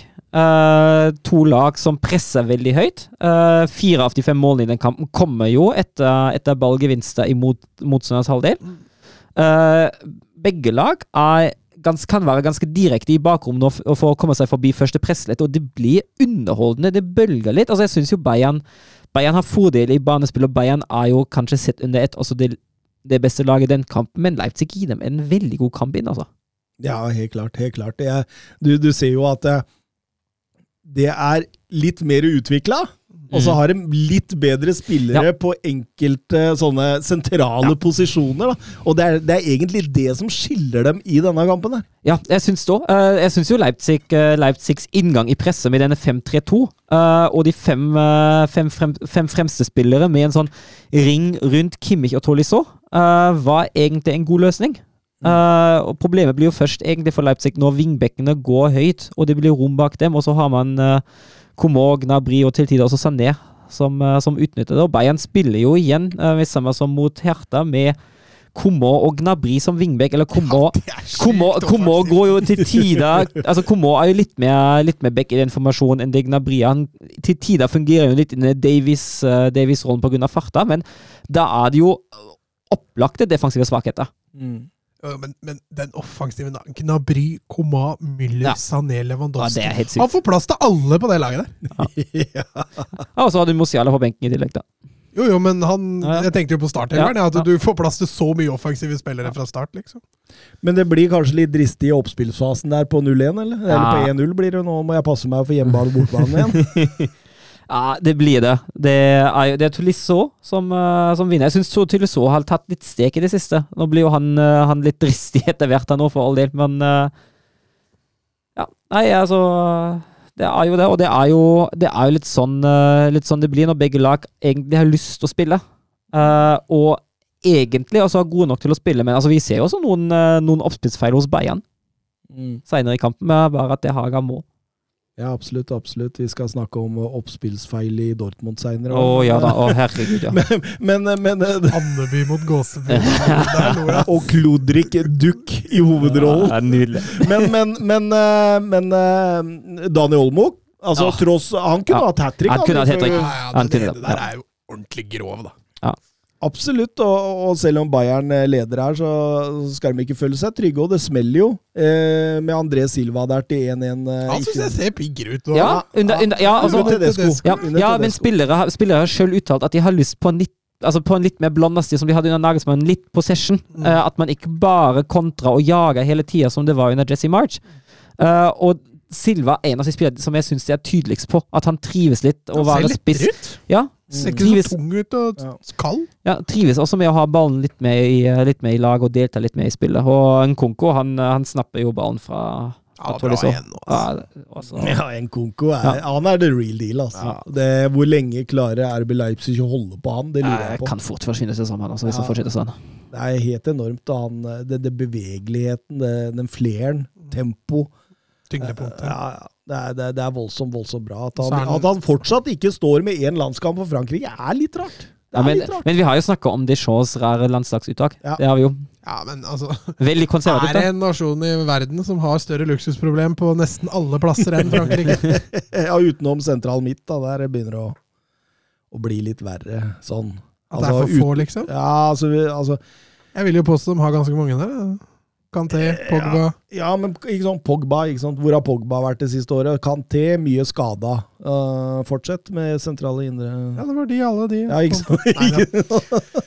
Jeg kunne sikkert ha ramsa flere. Du tok- Rabiot, eller? Er det Ja, Rabiot var neste på lista mi. Det er helt riktig. Den, Jota den, den, ta- den tapte du så det sang, Julsrud. Nei, jeg tenkte jeg ikke skulle driste meg ned på det nivået.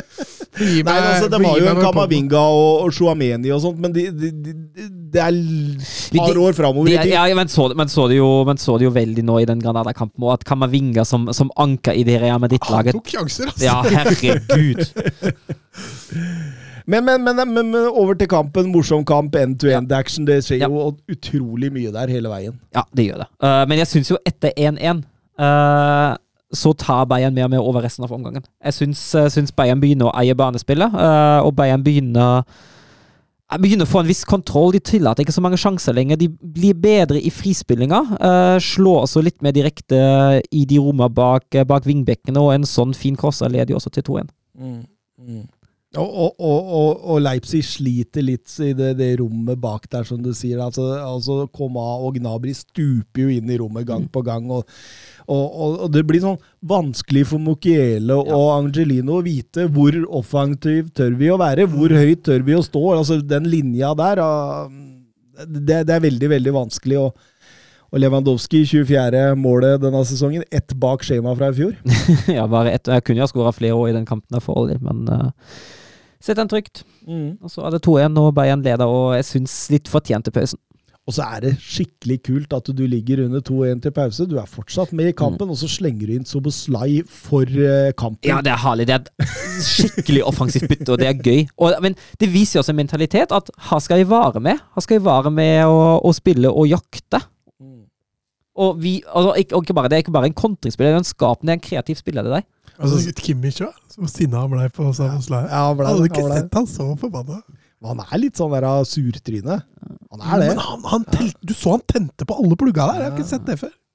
Men, men jeg tenker, altså, det, det, det er så gøy. For det, hele tida Press, brudd, direkte gjennom. Mm. Press, brudd, mm. direkte gjennom. Hele veien, hele veien. Det går på det samme. og det, det, denne gangen på 2-2-skåringen til Nkunko, så er det jo eh, Tolisov eller, eller noe, Kimmich. Jeg husker ikke helt. Kimmich er det vel som mister ballen ja, der i forkant. Jeg tror det. Og Kimmich hadde jo ikke helt dagen, han heller. Jeg tenkte, jeg tenkte litt, inn, uh, litt uh, på det, var det i første eller i andre omgang, at Leipzig kom seg påfallende ofte også inn i mellomrommet. Mm. Og da tenker jeg at uh, Kimmich kunne godt ha tatt uh, tatt større ansvar. Det er jo han som er den mest defensive av de to sentrale som står der. Mm. Og rett etterpå er jo Guardiol virkelig uheldig ah. når han setter selvmål, da. Uflaks. Så um, ja, Bayern München god kontroll siste halvtimen, syns jeg. Ja, unntatt den ene situasjonen der, ti minutter for slutt. Når Opamichano først må inn og blokkere, og returen reddes av Noya. Ja, men i forhold til resten av ja. kampen, så altså, syns jeg de klarer å dra det ned litt og, og ja. kontrollere på en annen måte der. og eh, et styrketegn for Bayern München, dette her, at de klarer å spille en så åpen fotball. Og så bestemmer de seg ok, siste halvtimen roer vi litt ned, tar det med det. Og det, det, det er også eh, ja, det, det, er et topplag, rett og slett. Ja, det, er jo det, mot et lag, altså ferdigutvikla ja. topplag som ja. er klar for å vinne noe. Mm. Ja. for å bruke konto sin Endelig vinne noe! ja, for å bruke konto sin terminologi. Du er klar for å vinne noe. Mm. Eh, mot et lag som på en måte må bygges litt fra bunnen av. og... Men, men, men, men dette, dette, dette, ser bra ut for altså, Leipzig. Hvis, hvis, vi sammenligner Leipzig, altså, hvis vi sammenligner den bortekampen til Leipzig nå med det de presterte hjemme mot Bayern uh, da de tapte, var det vel 4-1 nå uh, forrige runde? Det pissa på. Ja. Dette, dette, er to for helt forskjellige kamper. Ja, ja. Altså Generell utvikling i Leipzig er jo positiv nå. Ja, Det ser jo mye mer spilleglede ut i laget, rett og slett. Ja. Så ser, ser jo, altså, og, det, og det som kjennetegner managere som kommer inn og gjør en umiddelbar på en måte Effekt? Effekt, ja. Det, det handler jo litt om hvordan altså fordi det, det, er vanskelig å sette det systemet, så da må du begynne på enkeltspillere. ikke sant? Og du ser hvordan som Angelino Hvor mye bedre han har blitt etter Tedesco. Vi snakka om André Silva hvor mye bedre han har blitt uh, der. Nkunku har bare blitt enda bedre. Han var ganske god under Jesse Marceau, ja. som kanskje den eneste omtrent der. Eh, Guardiol syns jeg begynner å bli se, uh, mer og mer stødig ut nå. Så du får mange av de der, der da, som hever spillet sitt. Og det uh, Tedesco, jobben han gjør nå, Søren, den ser bra ut, altså. Ja, det er helt enig. Syns det ser veldig bra ut. Um, skal vi fortsette å telle, eller? 68. kampen til Bayern uten å jeg, jeg, tror vi sitter her i høst 2024 og teller fortsatt, vi. Men eh, Vi kan jo også nevne at uh, Noya han, han har tatt, uh, tatt Khan sin rekord. Ja, med 310 seier. Og så var det hans siste seier nå på en liten stund, for han måtte opereres. Han hadde en, hadde en kneskade og har spilt med smerter i det siste, så han er ute i seks uker. Så da blir det Sven Ulreich en stund framover. Yes. Ja, men det, det, det, rir dem godt i land, tror jeg. Ja, jeg Hvem er det de har i Champions League? Salzburg. Det bør gå greit. Det bør gå greit. Og så altså, er, det, altså, er det vel bare én av de to kampene Noya går glipp av, hvis alt går etter planen. Eh, et lag som er i større trøbbel. Det er Dortmund mot Leverkosen. Dortmund Eller Andeby mot Gosseby. Det var. Urettferdig mot Leverkosen, da, men Uten Erling Haaland, men han posta et, eh, et bilde på Instagram som tilsa 'jeg er tilbake snart'. Så, ja, det, det tror jeg Dortmund har godt av. det, ja, fordi du, du ser jo det skjer et eller annet med angrepsspillet Ja. deres også. Altså, altså Derem er fryktelig dårlig. Jeg er jo i den der som vi snakka om, kontradekninga. Det har vi snakka Mhm. om i hele år. Kontradekninga, returvinninga. Den første Hva skjer rett etter du har tapt ballen? Det, det, det er så svakt der. Men du ser det også i det offensive. at det, Du ser nesten at spillere leiter Ja. litt etter Men altså, du, se det, det, det, som var nå mot Leverkusen, som jeg synes var så ekstremt, at det var gjerne ett og ett løp om gangen. Det var én spiller som stakk, og han var den eneste. Og så hadde man ett alternativ, og den måtte man finne, og det gjorde det innmari jeg vil ikke si lett, men ukomplisert for Leverkosen å forsvare seg mot det. Men har ikke Bellingham også blitt mer defensiv sånn, på, på banen? Jeg Jeg tror han har fått den rollen. Det var det jeg tror også, at han er jo ikke like involvert i og rundt boksen til motstanderen lenger. Eh, Det er mer ballvinner sånn type, da. Og vi har skrutt mye av Dahoud denne sesongen. Men den eh, kampen her var jo helt katastrofe. Nå er det på tide å Må jekke ned igjen så han kan skjerpe seg. Jeg, syns jo de første, første 10-15, altså i hvert fall i banespill, gjør Dortmund det greit, men uh, skapes jo ingenting. Og da fungerer jo gegenpressing og kontradekning også godt hjulpet av uh, katastrofal frispilling av Leverkosen i starten, riktignok. Hva er det Saga Dodi med? Nei, Jeg tenkte på Leverkosen. Leverkosen har jo en par sånne Ja, okay. blemmer blemmer i starten nå. Det, det må, men, men Ja. Vi kan godt ta Sagado. Men ja, men. Oppspillsfasens far. Ja. Hva i alle dager er det han gjør? Nei, altså Tjernås er jo inne på det når han kommenterer det. Altså at det Enten så er det valg eller utføring som det er noe feil med, men har det faktisk begge deler. Tjernås har jo helt rett. Han- Han venter jo på seg presset. Ja. Altså, og, og, og når du venter på et press, så har du en klar formening om hva du skal gjøre. Men når han får på seg det presset, så veit han jo ikke hva han skal gjøre. Nei, han ender jo opp Altså, han sleiver jo, det ser du jo, for han bommer jo på ballen. Det er jo ikke det. Jeg tror ikke det er det han prøver på. Nei, da, han, prøver prøver ikke. Nei, men han sleiver den inn i midten der, og så eh, Det er en forferdelig involvering av Sagado. Eh, Det er, jeg har lyst, du har litt lyst til å si det er maks uheldig, men det er det jo ikke. Nei, det- det- Nei, for det er jo. Dortmund. Det er jo, og det er jo Dortmund. Ja. Altså, det, er, det er jo laget i Bundesliga som har hatt flest personlige feil denne sesongen, som leder til mål imot. Altså, tenk det. Det er et topplag her som har flest personlige feil som leder til mål imot. Ja. Og så når du drar inn det med dødballstatistikken din, og drar inn dette med dårlig kontradekning, Ja. så skjønner du at det skal mer enn en Nicolas Syli inn der for, å, for å løse disse Ja, nei, det var jo for så vidt en, en statement og en signering, da.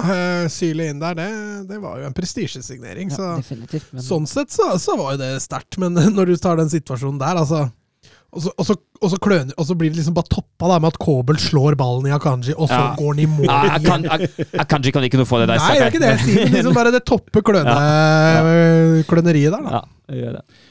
Og artig at det blir eh, selvmål og 1-1 rett etterpå. av, eh, av Frimpong. Han var jo heldig, han òg.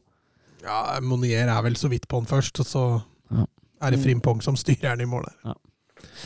En liten livbøyle til uh, Dortmund før, uh, før uh, Leverkosen skulle si farvel. Ja, og da finner jo Leverkosen ut. Uh, etter første der ja, ja. Men etter, bra, etter de første 10-15 finner Leverkosen jo ut at eh, hvor det er rom. eh, det er jo den det er mellomrommet foran Forsvaret som ikke dekkes godt nok opp. Så å trekke inn uh, sjikta, bruke den som oppspillspunkt og bruke farten i de tre offensive som ligger der ellers, for, for å gå på overgang gang på gang på gang, det fungerte som bare det. Dortmund fant ingen vei mot det der. Nei, absolutt ikke. Absolutt ikke. Det er textbook-kontring, da. Ja, det er nydelig. Det er nydelig. Den, Florian ja, Wirtz-skåringen. den det. Det er helt uh, konge, men altså eh, det, det, altså, her møter et av Bundesligas beste kontringslag et av Bundesligas dårligste eh, kontradekningslag. Og, og da går det sånn, altså. Da går det sånn, og da Altså, jeg, jeg, jeg aner ikke hva de driver med der. Altså, altså er det spillere, er det organiseringa? Hvorfor er Dahoud som det balanserende fortsatt 30 met 40 meter unna Wirtz idet han sitter 1-2? Jeg, jeg, jeg tror det er organiseringa. Jeg mener det. Altså, Det kan ikke være spillere. Det, det er jo Ja, Men Men på den- Dahoud også, som en balanserende spiller, må jo Det er jo litt stygt balltap der også, som gir dem muligheten til å kontre der. Og det er klart, Jeg veit ikke om han ikke gir alt i spurten hjemme, eller hva det er for noe. Altså, Nå går det hurtig framover Leverkosen, da. Ja, absolutt, men du ser jo dem er på etterskudd hele tida, også i forkant av Andrich i 3-1-skåring der, en uh, Ja, det, er en, frisparket. det er en overgang, det òg. Ja, Det er en kontring. altså, etterskudd hele veien. Går til pause med 1-3, og det ser blytungt ut. Og når Jonathan sa da setter 4-1 rett etterpå Han har en god kamp, han. Ja, ja, for all del. Han er jo bra. Så, så er det jo det, det er jo ferdig.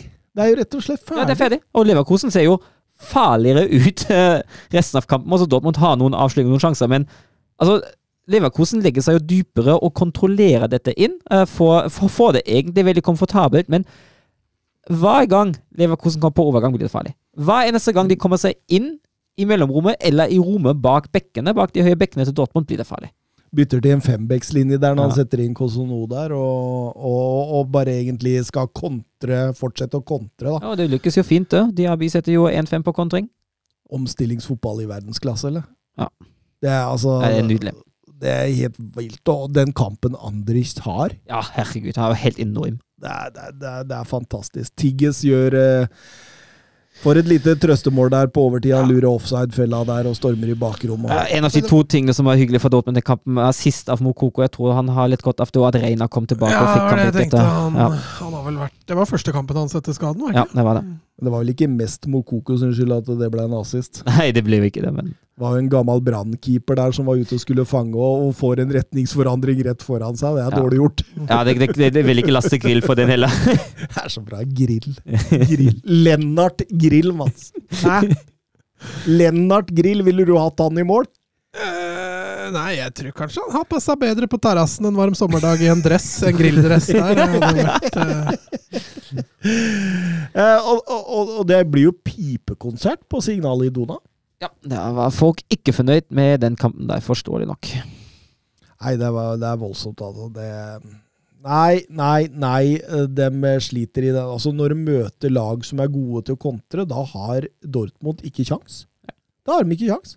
Altså, det, det, det, altså, det må jo gjøres et eller annet der, og jeg, jeg håper jo, som du sier, da, at det er organiseringa, sånn at eh, Marco Rose kan på en måte, Men, men vi snakka om dette Ja, altså. under, under Favre òg, og vi snakka om dette under Terzic. Ja, det. Så det, det, dette altså, Men altså, altså er jo det ene er jo organiseringen, det andre er jo at du har som du, du har vært inne på det med de personlige feil, du har jo et ganske klønete forsvar.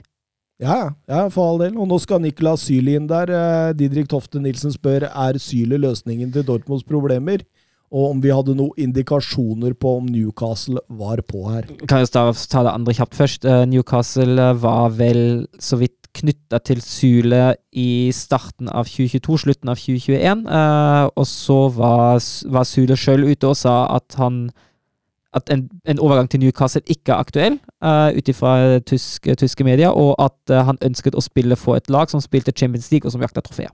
Mm. Mm. Så det var nok uh, rimelig klart at det ikke så da var det det å spille Champions League som veide tyngst, da, for da hadde du ikke gått til Dortmund for å vinne trofeer. Ja, han har jo kanskje lyst til å jakte trofeer, da, men uh, for Altså det, det tenker jeg også. Sule er jo Det er bra oppsummering, faktisk. Sule er jo en upgrade til, til det som er der i Forsvaret nå. Eh, men jeg ser ikke at den signeringen fører Dortmund nærmere til Bayern. Svekker Bayern litt, da.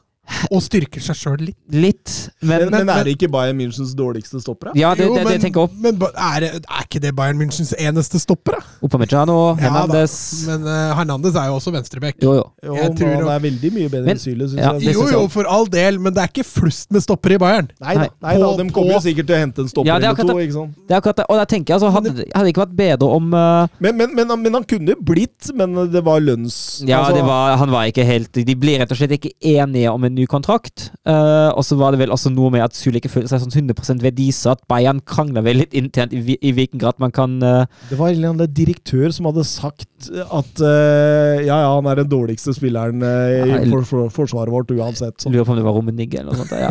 Men Nagelsmann ville, ville veldig gjerne beholde den. Eh, at Nagelsmann er stor fan av Sule og ville ha han. Men jeg er jo litt enig i at altså, du, du, du blir ikke bedre enn Bayern ved å kjøpe litt sånn En spiller som pendler litt mellom, mellom benk og førsteelva i Bayern. Du, du blir ikke bedre av å hente Bayerns AB-ish-spillere, da. Ja, men altså, er løsningen på problemet, skriver Nei, det er, Topptusen. det, det, er, det er han for ikke. er jo Det er han ikke. Men han, han, han, han, han, vel få inn en upgrade av Hummels, da, for det er litt av utfordringen til, Bayern- til Dortmund også. Men det- Akanji er ganske bra. ja. Men, det er ganske ja, men bra. jeg føler jo Syla er mer Akanji, da, hvis du ja, skjønner ja, ja, ja, det er det jeg mener. Ja, jeg er helt enig. men jeg syns jo Syla, Syla, er en forsterkning, men jeg er enig i at det ikke er løsning. Mm. Mm. Men det er, og det er ikke en forsterkning som, som sørger for at Dortmund plutselig er en kjempeutfordrer til Bayern. Nå skal du få snakke litt Wolfsburg, og endelig en seier for første gang på var det drøye tre måneder. Ja, det var akkurat tre måneder på Mhm. dagen siden Sist, forrige jeg, tror, jeg mener å huske at siste lag vi slo, var Augsburg, hvis jeg ikke tar feil. ja, Ja, ja, men går det tre måneder mellom hver seier? Det er jo bra, det, da. da, da sitter han, vet du. Da sitter Kåfeldt. Fordi det, det Jørgen Nystuen eh, tanker om å, å sitte på Kåfelt ut sesongen, spør Nystuen her. Altså, jeg, jeg klarte ikke Har ikke du spådd det? Jo. Eh, jeg, sa vel, jeg sa vel at vi vant 1-0 pga. et eller annet drittmål som gikk inn. Uh, nå, var nesten, nå var det jo fire drittmål som, uh, som gikk inn, for alle det var jo drittmål. Ikke noe annet å si. Um, kan jeg ta kampen først før jeg svarer på spørsmålet? jeg syns jo første kvarter er godkjent. Jeg syns det ser, ser Wolfsburg gode ut. fungerer også greit. Presser forholdsvis høyt. Fungerer greit i presse. Eh, Jonas Wind fungerer greit som en bindelettspiss, syns jeg. Altså I, i oppspillsfasen syns jeg han, eh, han fungerer brukbart. Det får jo også 1-0 ved Asta Wrangs. Uh, kanskje det største lyspunktet hele den sesongen her. Han var glad han satte satt 1-0 der. ja, eh, fortjent. Han har jo forsøkt seg på litt skutt og frispark uh, i det siste, og fint at han endelig fikk eh, Fikk litt valuta ved å skåre sitt første i Bundesliga. Har, jeg synes han har vært I all, eh, all den dritten som Wolfsburg har hatt denne sesongen, har Stavangs vært en av de få spillere som virkelig har, har vært, uh, har vært vellykka. Så finner Fort ført ut at uh, man kan fint overspille Wolfsburgs press ved å slå langt, Uh, og gjøre det. Uh, flytte opp uh, laget og sette på sin side eh, inn et ganske aggressivt gegenpress, og det takler ikke Wolfsburg i det hele tatt. Det blir fryktelig mange feil i, eh, i frispillinga. eh, mot Det er det Diego Simione skulle ha gjort etter 20 Mm. minutter. Mm. både, både mot både pressa og altså en god del upressa feil. Eh, så er man litt heldig at eh, eh, duellen mellom Steffen og Aste ikke blir straffe, men det blir eh, etter noen fyrtsjanser straffe. Nå, hvor nå uh, sparker ned uh, Dujiak. Eh, ballen var borte, og han eh, treffer, ballen, eh, treffer spilleren, og da blir det Ballen er borte, han treffer spilleren. Da blir det, da blir det straffe, og da setter, setter Gåta 1-1. Så det tenkte jeg, nå skal jeg vært oppi huet til Søren. tenkte jeg. Jeg, jeg gikk til whisky- whiskyskapet og åpnet meg, eh, åpnet meg en flaske der. Har du et eget whiskyskap? Nei, jeg har, jeg har vel to flasker eller en flaske whisky stående på skapet. Men står det, står det whiskyskap utapå, eller? Nei, det gjør ikke det. Nei, ok. Nei, men, det- men, men det, er, det, er- det er ikke Det er, det, er ikke eh, et skap kun for whisky? Nei, det er et skap, og så står whiskyflaskene mine oppå skapet. Lett Ja, ok. tilgjengelig, altså. Lett tilgjengelig. ja. Depresjonsskapet Wolfsburg-skapet. må du slutte å skape deg. Så syns jeg jo andre omgang for så vidt blir bedre òg. starten er positiv, så blir man godt hjulpet av eh, tidligere Vålerenga-keeper Sasha Borchert. Uh, hvis dere husker den, uh, den skåringen eh, Oppdal har på Ullevål som keeper? Ja, fra langt det, inn på ja, det var jo mot Borchert. Ja. Det var jo den keeperen der. Og han, eh, han driter seg jo fullstendig ut uh, på 2-1. Og han eh, Altså, ste ball crossa mot Steffen, og han er, jo, han er jo tatt vare på av en forsvarsspiller. Og Borchert stormer ut av uh, av, av målet sitt. Mayani Steffen får ikke tak i ballen, og Vrang setter han fint på volley fra 20 i et tomt bue. Burde vel fort ha blitt straffespark også hvis han ikke hadde satt den, tenker jeg. Men øh, og, og da går det jo riktig vei. Så kommer det et godt trippelbytte idet Wolfsburg driver og mister kontrollen litt. At han bytter inn Bialek, Philip Orosio for Vint, Gerhard og Steffen hjelper faktisk laget litt med de byttene der. Uh, ser det faktisk faktisk for en gangs skyld greit at laget sliter å ta grep som kan forsvares, og så blir det jo to drittmål til. To, Skryter K-felt der? Ja, ja, Det- det, det er ene- sånn det ene- skapskryt. det ene trekket var greit. Eh, Greit. Og så får de jo, får de jo to, to sånne tullemål igjen. At Arnold setter jo et frispark via muren i mål, og Philip, uh, Philip skårer jo fra, med en volley fra 20 meter, også via motspiller på en XG på 0,03. Ja, den er, Det er lavere, lavere enn en, en Alba sin, så Så blir det jo en 4-1-seier uh, i en kamp som på ingen måte var en 4-1-kamp. Uh, det, det var kanskje fortjent med en knepen seier til Wolfsburg, men Så du hadde egentlig rett? jeg føler at jeg hadde det. Jeg føler at jeg hadde det. Jeg føler ikke at det var en prestasjon uh, som gir mot. Jeg føler at det ikke er en prestasjon som man hadde slått et hvilket som helst annet Bundesliga-lag med. Mm. Uh, Furt var jo inne i en litt bedre periode, har vel tatt fem poeng de siste tre kampene nå òg. Uh, vært ubeseira. Men nei, altså, jeg syns, jeg syns man vinner fordi man møter såpass dårlig motstand. Og Wolfsburg sin 200. Bundesliga-seier gjennom klubbens historie. Og hvis vi først er inne på historie, i maratontabellen nå har man nå gått forbi Hannover 96. Og det betyr at Wolfsburg nå historisk er det beste laget fra Niedersachsen i, uh, i Bundesliga. Oi, oi, oi, søren. Det er musikk, musikk. Men, men, men uh, Kofeld, ja. Kårfeld, Uh, ja, og jeg er jo Jeg sa jo det Altså, jeg ble jo veldig glad da vi skåra. Jeg ville jo vinne den kampen. Situasjonen var jo prekær. Du var, du var ikke helt sikker i podkast-studio forrige tirsdag? Nei, og jeg ble jo usikker når kampen ble blåst av igjen, da. Men altså, jeg klarer ikke å la være å glede meg når laget mitt skårer og vinner en uhyre viktig fotballkamp. Uh, hvem, hvem, er de tre neste motstandere nå? Uh, neste er vel Frankfurt. Så er det Hoffenheim.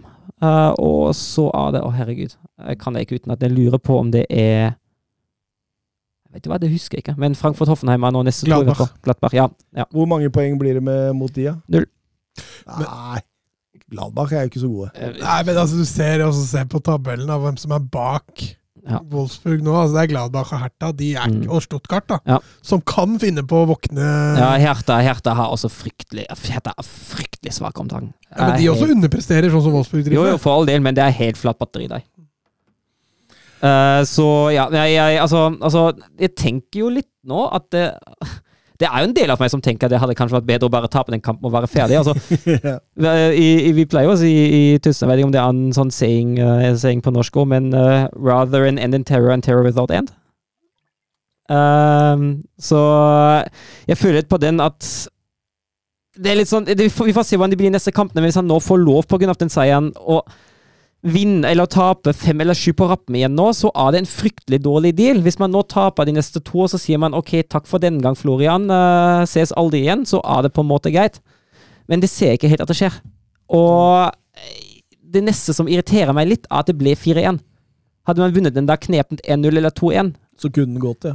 så kunne det gått, men at man vinner 4-1 med, med, med en ledelse som åpenbart ikke er i stand til å se bak resultatene, uh, det er Det er kritisk, altså. Jeg skjønner hva du mener, Søren. Det, Jeg det, eneste håpet jeg har, at, uh, at det hjelper litt på selvtillitsfronten, at det kanskje gjør noe, men uh, jeg syns fortsatt det ser mørkt ut, altså. Jeg syns det. Håper jeg tar feil. Jeg har sett mange, sagt mange ganger i, uh, i Wolfsburg-sammenheng denne sesongen, håper at jeg tar feil, og et eller annet så må jeg jo ta feil. Og med ordene 'Søren tar feil', så, så, så går vi over til Serie A. era il marcatore di Cannavaro. Palla tagliata, messa fuori, c'è Pirlo, Pirlo, Pirlo, ancora Pirlo di tacco, tiro, gol! Grosso, grosso, gol! Gol di Grosso, gol di Grosso! Ja eh, Inter Milan, det er jo et eh, Hva kan du si, Søren? Et eh, oppgjør som Det det er jo et av de Altså, det, det står høyt på bucketlisten min over kamper jeg har lyst til å se på stadion. mm, Veldig høyt. Absolutt. Milano Derby, og, og, og naturlig nok var jo Inter eh, favoritter. De hadde jo ikke tapt en Serie A-kamp siden tapet mot Lazio sånn omtrent midten av oktober, tror jeg. Og på hjemmebane var de venner. De har vel hatt 23 ubeseirede på hjemmebane før den kampen der, tror jeg. Mm, mm. Mens Milan var litt sånn ah, Tap hjemme mot Spezia, og det var litt sånn kjedelig 0-0-kamp mot 28 var det faktisk, ikke 23, men 28. Ja, 28. ja, 28. ja. Eh, 0-0-kamp mot Juventus der og litt sånn, så det var, det var ikke helt sånn. og Etter en rolig start så begynner jo Inter å male på her. Ja, jeg syns Inter starter jo altså Inter, Så snart Inter finner, finner litt ut av det, er Inter klart best. Uh, Sali den perioden fra, fra, fra tiende, uh, den, den annullerte skåringa, uh, og opp mot, uh, mot halvtimesmerket.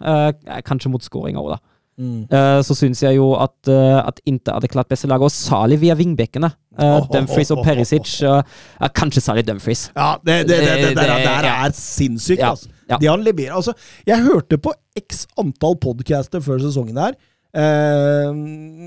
Utenlandske, vel å bemerke, og, og, og, og, og podcaster som har spesialisert seg på Serie A, og til og med en, en, en som hadde fulgt Eres-divisjonen close og sånn. Alle slakta det kjøpet. Sa liksom at det, det kommer til å bli liksom det årets EM-flopp, da. Men, men, men det, det, Altså, det, er så motsatt. Det er så Ja. motsatt. Dette her er helt enormt, Ja. det han leverer. Ja, og han har jo holdt på den EM-formen i, i nå over et halvt år, han. Se hvordan han bare setter fart, krummer nakken, og han går både innvendig og utvendig. Ja. Han, han kom, herlig. stormer inn i boks, han eh, skaper ubalanse hele veien. Altså, for et kjøp, da! vært. Ja, jeg er helt enig. Og så- Og syns jeg heller ikke han er så dårlig defensivt. Nei, nei, nei. Jeg syns jeg er faktisk eh, helt innafor. Og, så- altså, så kan man jo si at Milan, nei, Inter har, har gjort en god del med tanke på hva de fikk for Hakimi, og hva de fant, uh, hva de fant som erstatter. Det, det, det var jo lommerusk de betalte for den. Ja. Så det, det, og, og, og lommerusk betaler de jo egentlig for Gåsens på andre sida av det, Ja. selv om Perisic også Han viser jo her at uh, du kan godt spille Perisic, det gjør ikke noe, det. Nei, men Perisic kan også spille lenger fram i banen, og ikke som wingback. Gåsens har jo litt, litt bedre defensiv kvalitet enn Perisic, men ja, Perisic er en herlig spiller. Han setter jo 0, nei, 1-0 òg. Ja, han gjør det. Det var etter en kone, da, Shalanolo. Men uh, fullt fortjent at, uh, at, de, at de leder. Det var jo noen uh, vi si det, var jo noen nydelige redninger av Menja eh, som hindra at Inter tok ledelsen tidligere. Strålende var Manja rett og slett i denne kampen her, og han hindrer, som du sier, altså at dette kunne ikke blitt spennende, men det blir spennende utover i annen omgang der. Det blir det. altså, Jeg føler at Inter blir litt for defensiv etter pausen. Jeg syns det blir litt for passivt. Uh, prøver vel å kontrollere, men det slår litt feil. Det hevner seg litt, altså.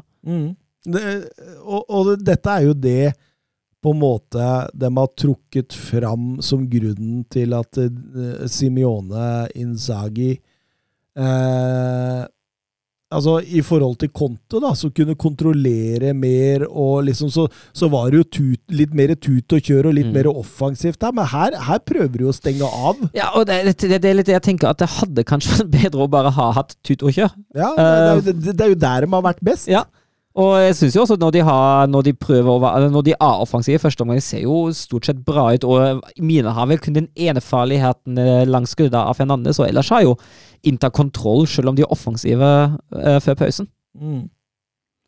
Men det er tre minutter, da. Det er tre Ja. minutter han trenger, godeste Olivier Giroud, på å gjøre livet svært surt for naboen. eh. Ja, først etter en, eh, etter en ball han vinner, han vinner sjøl på midten der. Og så setter han setter vel en, eh, et skutt fra Diaz i mål, og så Ja, og så setter han én til. eh, 1-2 1-2 er jo klasse. ja, det er Det klasse. er, det, er, det er jo altså Calabria, vel, så spiller han feilvendt i boks Mm. med det Frey i rygg der, og, og tar jo en Cruyff-vending og, Mm, og det bare nydelig. setter 1-2 der på en fantastisk måte, og Cruyff han klapper i grava og Og det er det Frey som syns seg. Det Frey vrei seg. Ja. de vrei vrei seg. Men ehm, og, og, og på mange måter, da, så eh, så, det, det, så så er det jo Altså, Giroud Altså, jeg satt og tenkte på Er Milan bedre med Giroud enn Zlatan? Sånn egentlig, i forhold til altså, selve spillet, da. Ja, altså, jeg, jeg veit ikke. Jeg føler jo altså I den kampen her, definitivt. Men jeg tenk, altså, det kommer litt an på hva slags motstand man møter også, da. Ja, og Zlatan, altså, Zlatan har jo en tilstedeværelse på topp der som er helt unik. Ja.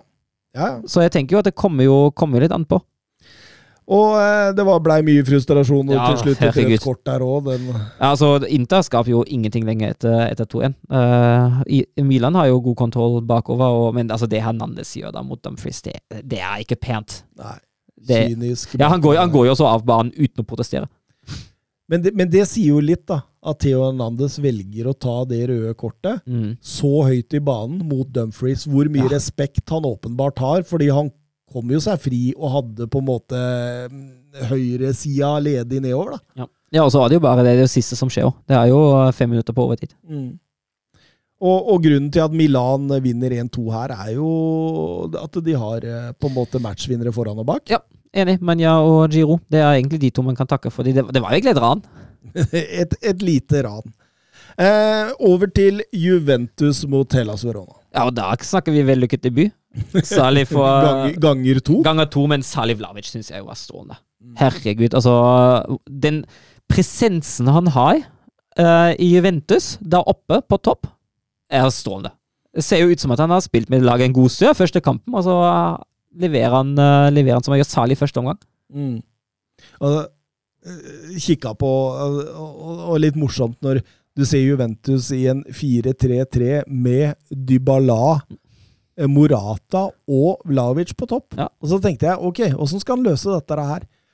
Og så, og så ok, sånn har jeg ikke sett Juventus under Allegri i, i, i hans uh, andre del av- For det, her skifter han jo til en spillestil vi ikke har sett denne sesongen, med opp på feilvendt uh, Vlaovic, legge igjen, og så uh, gjennomløp hele veien. Ja, det fungerte jo utmerket. Altså skyldtes jo også litt at uh, det var et gedigent mellomrom eh, hos Hellas foran, foran forsvarslinja der. De går jo høyt. De gjør det, og Juventus er veldig gode til å utnytte det.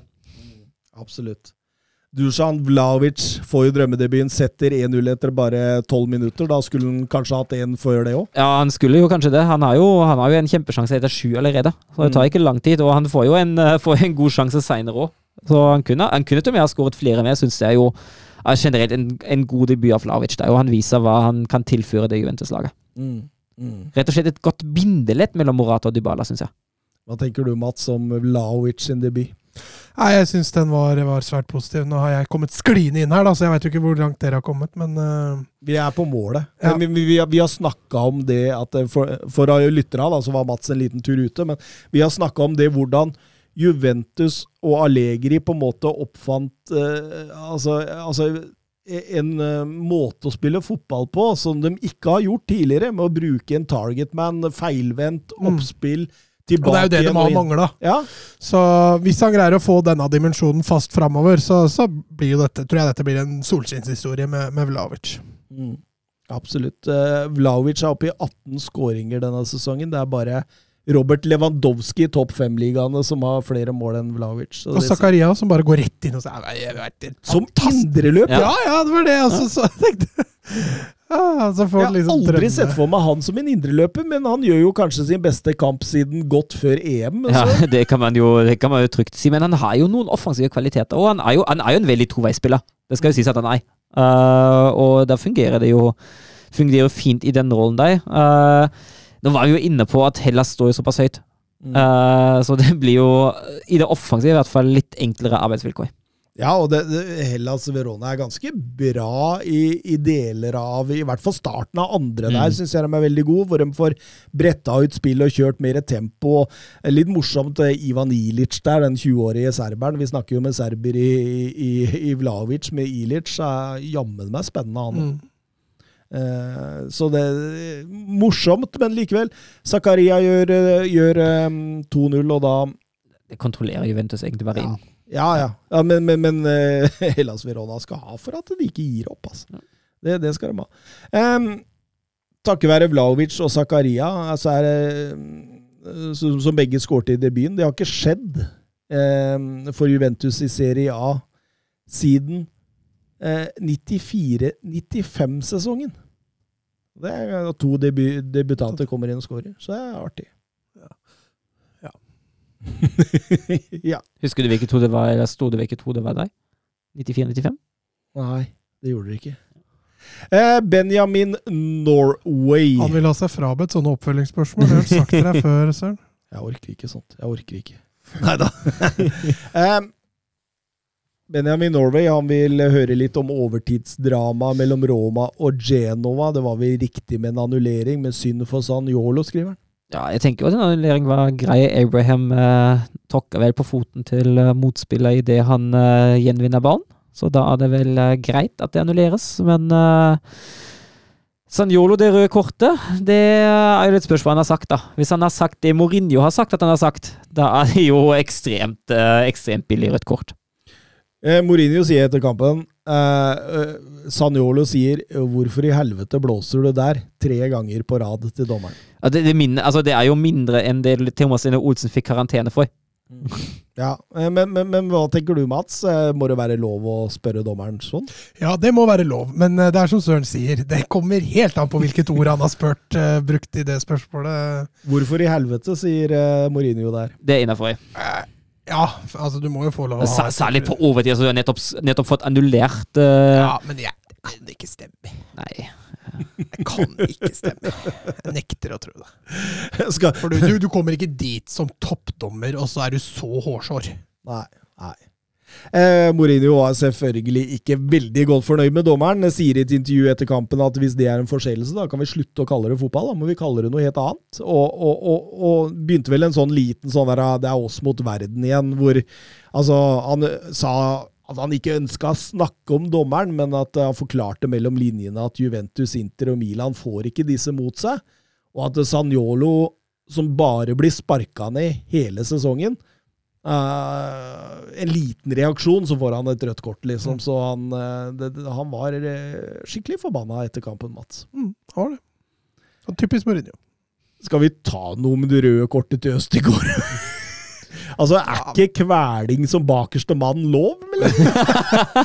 Ja, det, det kan du lure på. Han, eh, han ble bytta inn til pause, så det gjør det jo ekstra litt sånn bittert da Men norsk. så du han la ned Gyan? Ja, han tok skikkelig tak der. Kveletak først, og bang i bakken. Eh, Sånn går det når du lar ballen sprette en gang før du Napoli vant 2-0 over Venezia, derfor er det jo rekordjevnt i toppen der. Ja, det er, jo, det er jo spennende. Det er gøy at det er spennende i Serie A. Og Juventus har klatra forbi Atalanta og opp på en fjerdeplass. Møtes ikke de neste helg? Det kan godt Jeg hende. mener har å, mener å huske at de møtes neste helg, hvis jeg ikke tar feil. Der pleier Mats å være på ballen når vi sier sånne ting. Mm. Nå er du på mobil. Nå var jeg på mobil. Fikk en melding. Skulle bare Ja, lese. nå skal jeg begynte å få og Nå digrer jeg med Ja, men kom inn. kom inn. Ja, men Fordi jeg får så mye SMS-er for tida. Av damer. Siden du er singel, tenkte jeg på. Nei. Du, jeg, du ikke ville at jeg skulle si at du, hvor du bodde. For Nei, det jeg har ikke fått noen SMS-er av Nei, noen okay. damer. Eh, jeg får fra at pakken din er klar til levering. Og jeg Ja. kødder ikke. Jeg får to-tre sånne meldinger om dagen. Det er svindel. Ja. ja. Selvfølgelig. Nei, Mats! Jeg har vært inne og signert på alle de! skjønner du, Jeg har ikke fått Jeg har ikke fått en eneste pakke, så jeg begynner å lure på hva dette er for noe. Men kontoen min blir tømt! Men det er så slitsomt når du får så mye sånne meldinger. Men er, Nei, det er svinn! Oh, ja.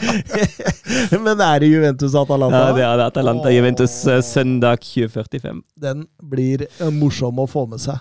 Eh, da møter de jo nok et lag da, som går ganske høyt, og det har jo passa dem jo på Tellas Verona. Så. Vi får se, vi får se. Vi får ta litt uh, Vi får ta litt uh, league. Ja. Sur la frappe de Messi de, De de Mercado, Mercado, et, et là aussi on a un petit peu de réussite. Griezmann sur l'appui, c'était bien joué avec Giroud. Oh, Dans Zidane Oh Sylvain, il l'a vu Oui. Kylian Mbappé Kylian Mbappé, il l'a vu Ça fait 4 et ça fait peut-être un quart de finale pour l'équipe de France 68e minute Oh la joie collective parce qu'ils ont tous jailli du banc pour aller saluer cette passe décisive géniale de Giroud et ce doublé pour Kylian Mbappé Ja, og regjerende seriemester borte skal jo være en vrien nøtt, selv for et lag som Paris Saint-Germain, men uh, denne sesongens utgave av Lill er ikke det samme. Nei, og jeg tenker jo at altså, Habøy og PSG være på banen og sende et stort takkekort til, til sin matchvinner, Ivo Gribic. Uh, det han presterer da, altså han, han skaper jo ja, på 1-0, ja. Ja, på 2-1 òg. ja Begge de to. Så ja, altså det, Han gjør jo jobben til PSG mye lettere. Hva gjør han på 1-0? Nå skal Så legger han ballen bare sånn til rette for Danilo. Altså Danilo, da, som skårer to mål. Han dobler antall mål han har hatt i år. Det er- det er forferdelig. Men Messi var litt på G. Det var litt artig å se. Ja, og jeg syns jo både altså Di Maria var svak, men Mbappe, både Mbappe og Messi var, eh, var meget gode, og, og det er jo PSG her som eh, Nuno Mendes òg. Måten han rykker forbi før 1-0-gålen der. Det er klart det er kjempekeepertabbe, men uh, ja. Strålende. strålende, og det, det, det, det er klart det at de får en tidlig eh, 0-1 der, og, og eh, Lill må jage mer, og det, det, det er- veldig komfortabelt, dette her. mm. Mm. Nei, Eh, den er aldri trua. Men eh, Sven Båtmann gjør 1-1, og, så dere Ben Arfa der, eller glimt av? Harlig mot, uh, harlig mot Hakimi der. Er litt sånn Luis Diaz uh, over det. Ja, det var strålende, strålende. Eh, morsomt å se på, og du ser jo hva det bodde i Ben Arfa, men hvor mye vi kommer til å se det igjen. Det er et, et eksempel på, på talent som er surra bort. Men så er jo Gerbic i gang igjen. Ja, ute og sykler på en corner, og Kim Pembe har ingen problem med å sette ballen i åpent mål.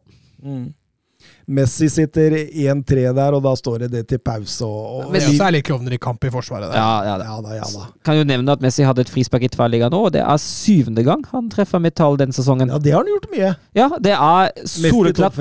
Ja, ja, Nestemann ligger på fire, tror jeg. Ja, han har Ja. ikke millimeter med seg der, men, men, men Lill prøver å flytte opp, og det gir rom til Paris Saint-Germain, som egentlig dreper dem. Er, er, er, går det an å si det? Ja, det går an å si. Jeg kan jo si Pereira skårer jo en til, som Mats har nevnt, og den siste skåringen til, eh, til Mbappe, den er jo fin. Den er jo nydelig skutt i legste. Legger, legger til rette, høyrebeinet, Mm. køler i lengste. Fantastiske eh, Kylian Mbappe her. Og, og Lill skal ha for at de ikke gir opp, men nei, dette var en Ligger under fem meter. Nei, du skal ha for at de ikke gir Ja, opp. men de, de, de, kjørte jo fortsatt på, da. De Prøvde å stå høyt, og de ville jo ikke helt gi seg med det. Og han Onana på midten der, han, eh, han hadde jo flere gode forsøk. Ja. Men eh, det, det var egentlig greit. Eh, God kamp egentlig av PSG. Og Bernt Olav Gjellegjerde Hansen han spør eh, på Twitter Porcetino-statusen begynner å synke litt. Er det ikke merkelig at statusen hans var større i Spurs enn den er nå i, PSG, når de leder league Ø med snart 100 poeng?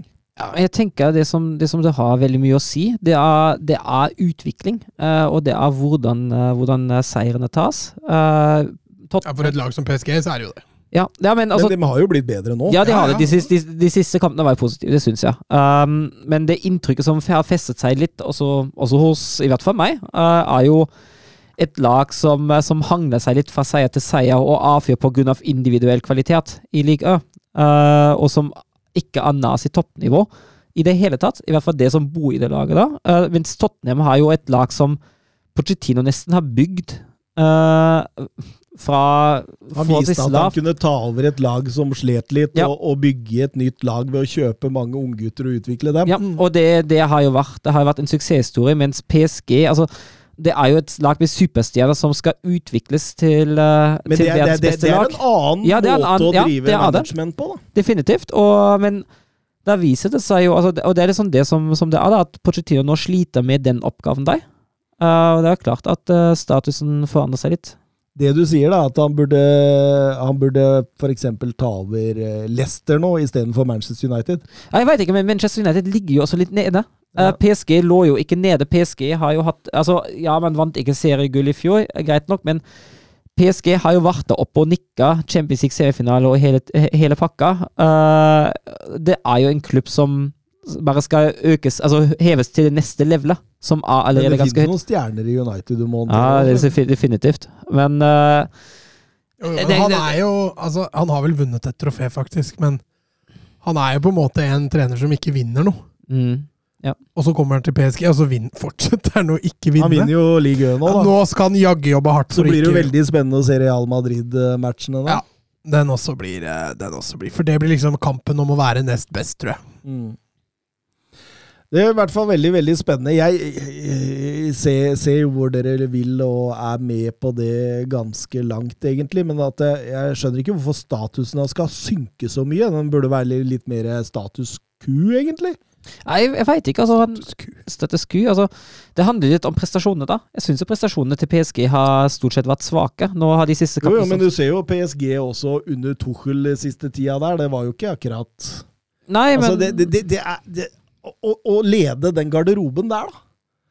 Jeg tror liksom Altså, du, du må Altså- en Zinedine Zidane inn, tror jeg kanskje. Altså, jeg tror det kan være match in made in heaven. da. At det er Zinedine Zidane som viser hvordan han liksom Han, han hadde jo ikke noe problem med å ta stjernegalleriet til, til Real Madrid og vinne Champions League etter Champions League med dem. Nei, og så trenger han ikke så mye taktikk med de offensive spillerne han har heller. sant, ikke sant? Så det kan godt hende altså, Kanskje Pochettino da, kanskje har litt mer oppgaver da, de skal utføre.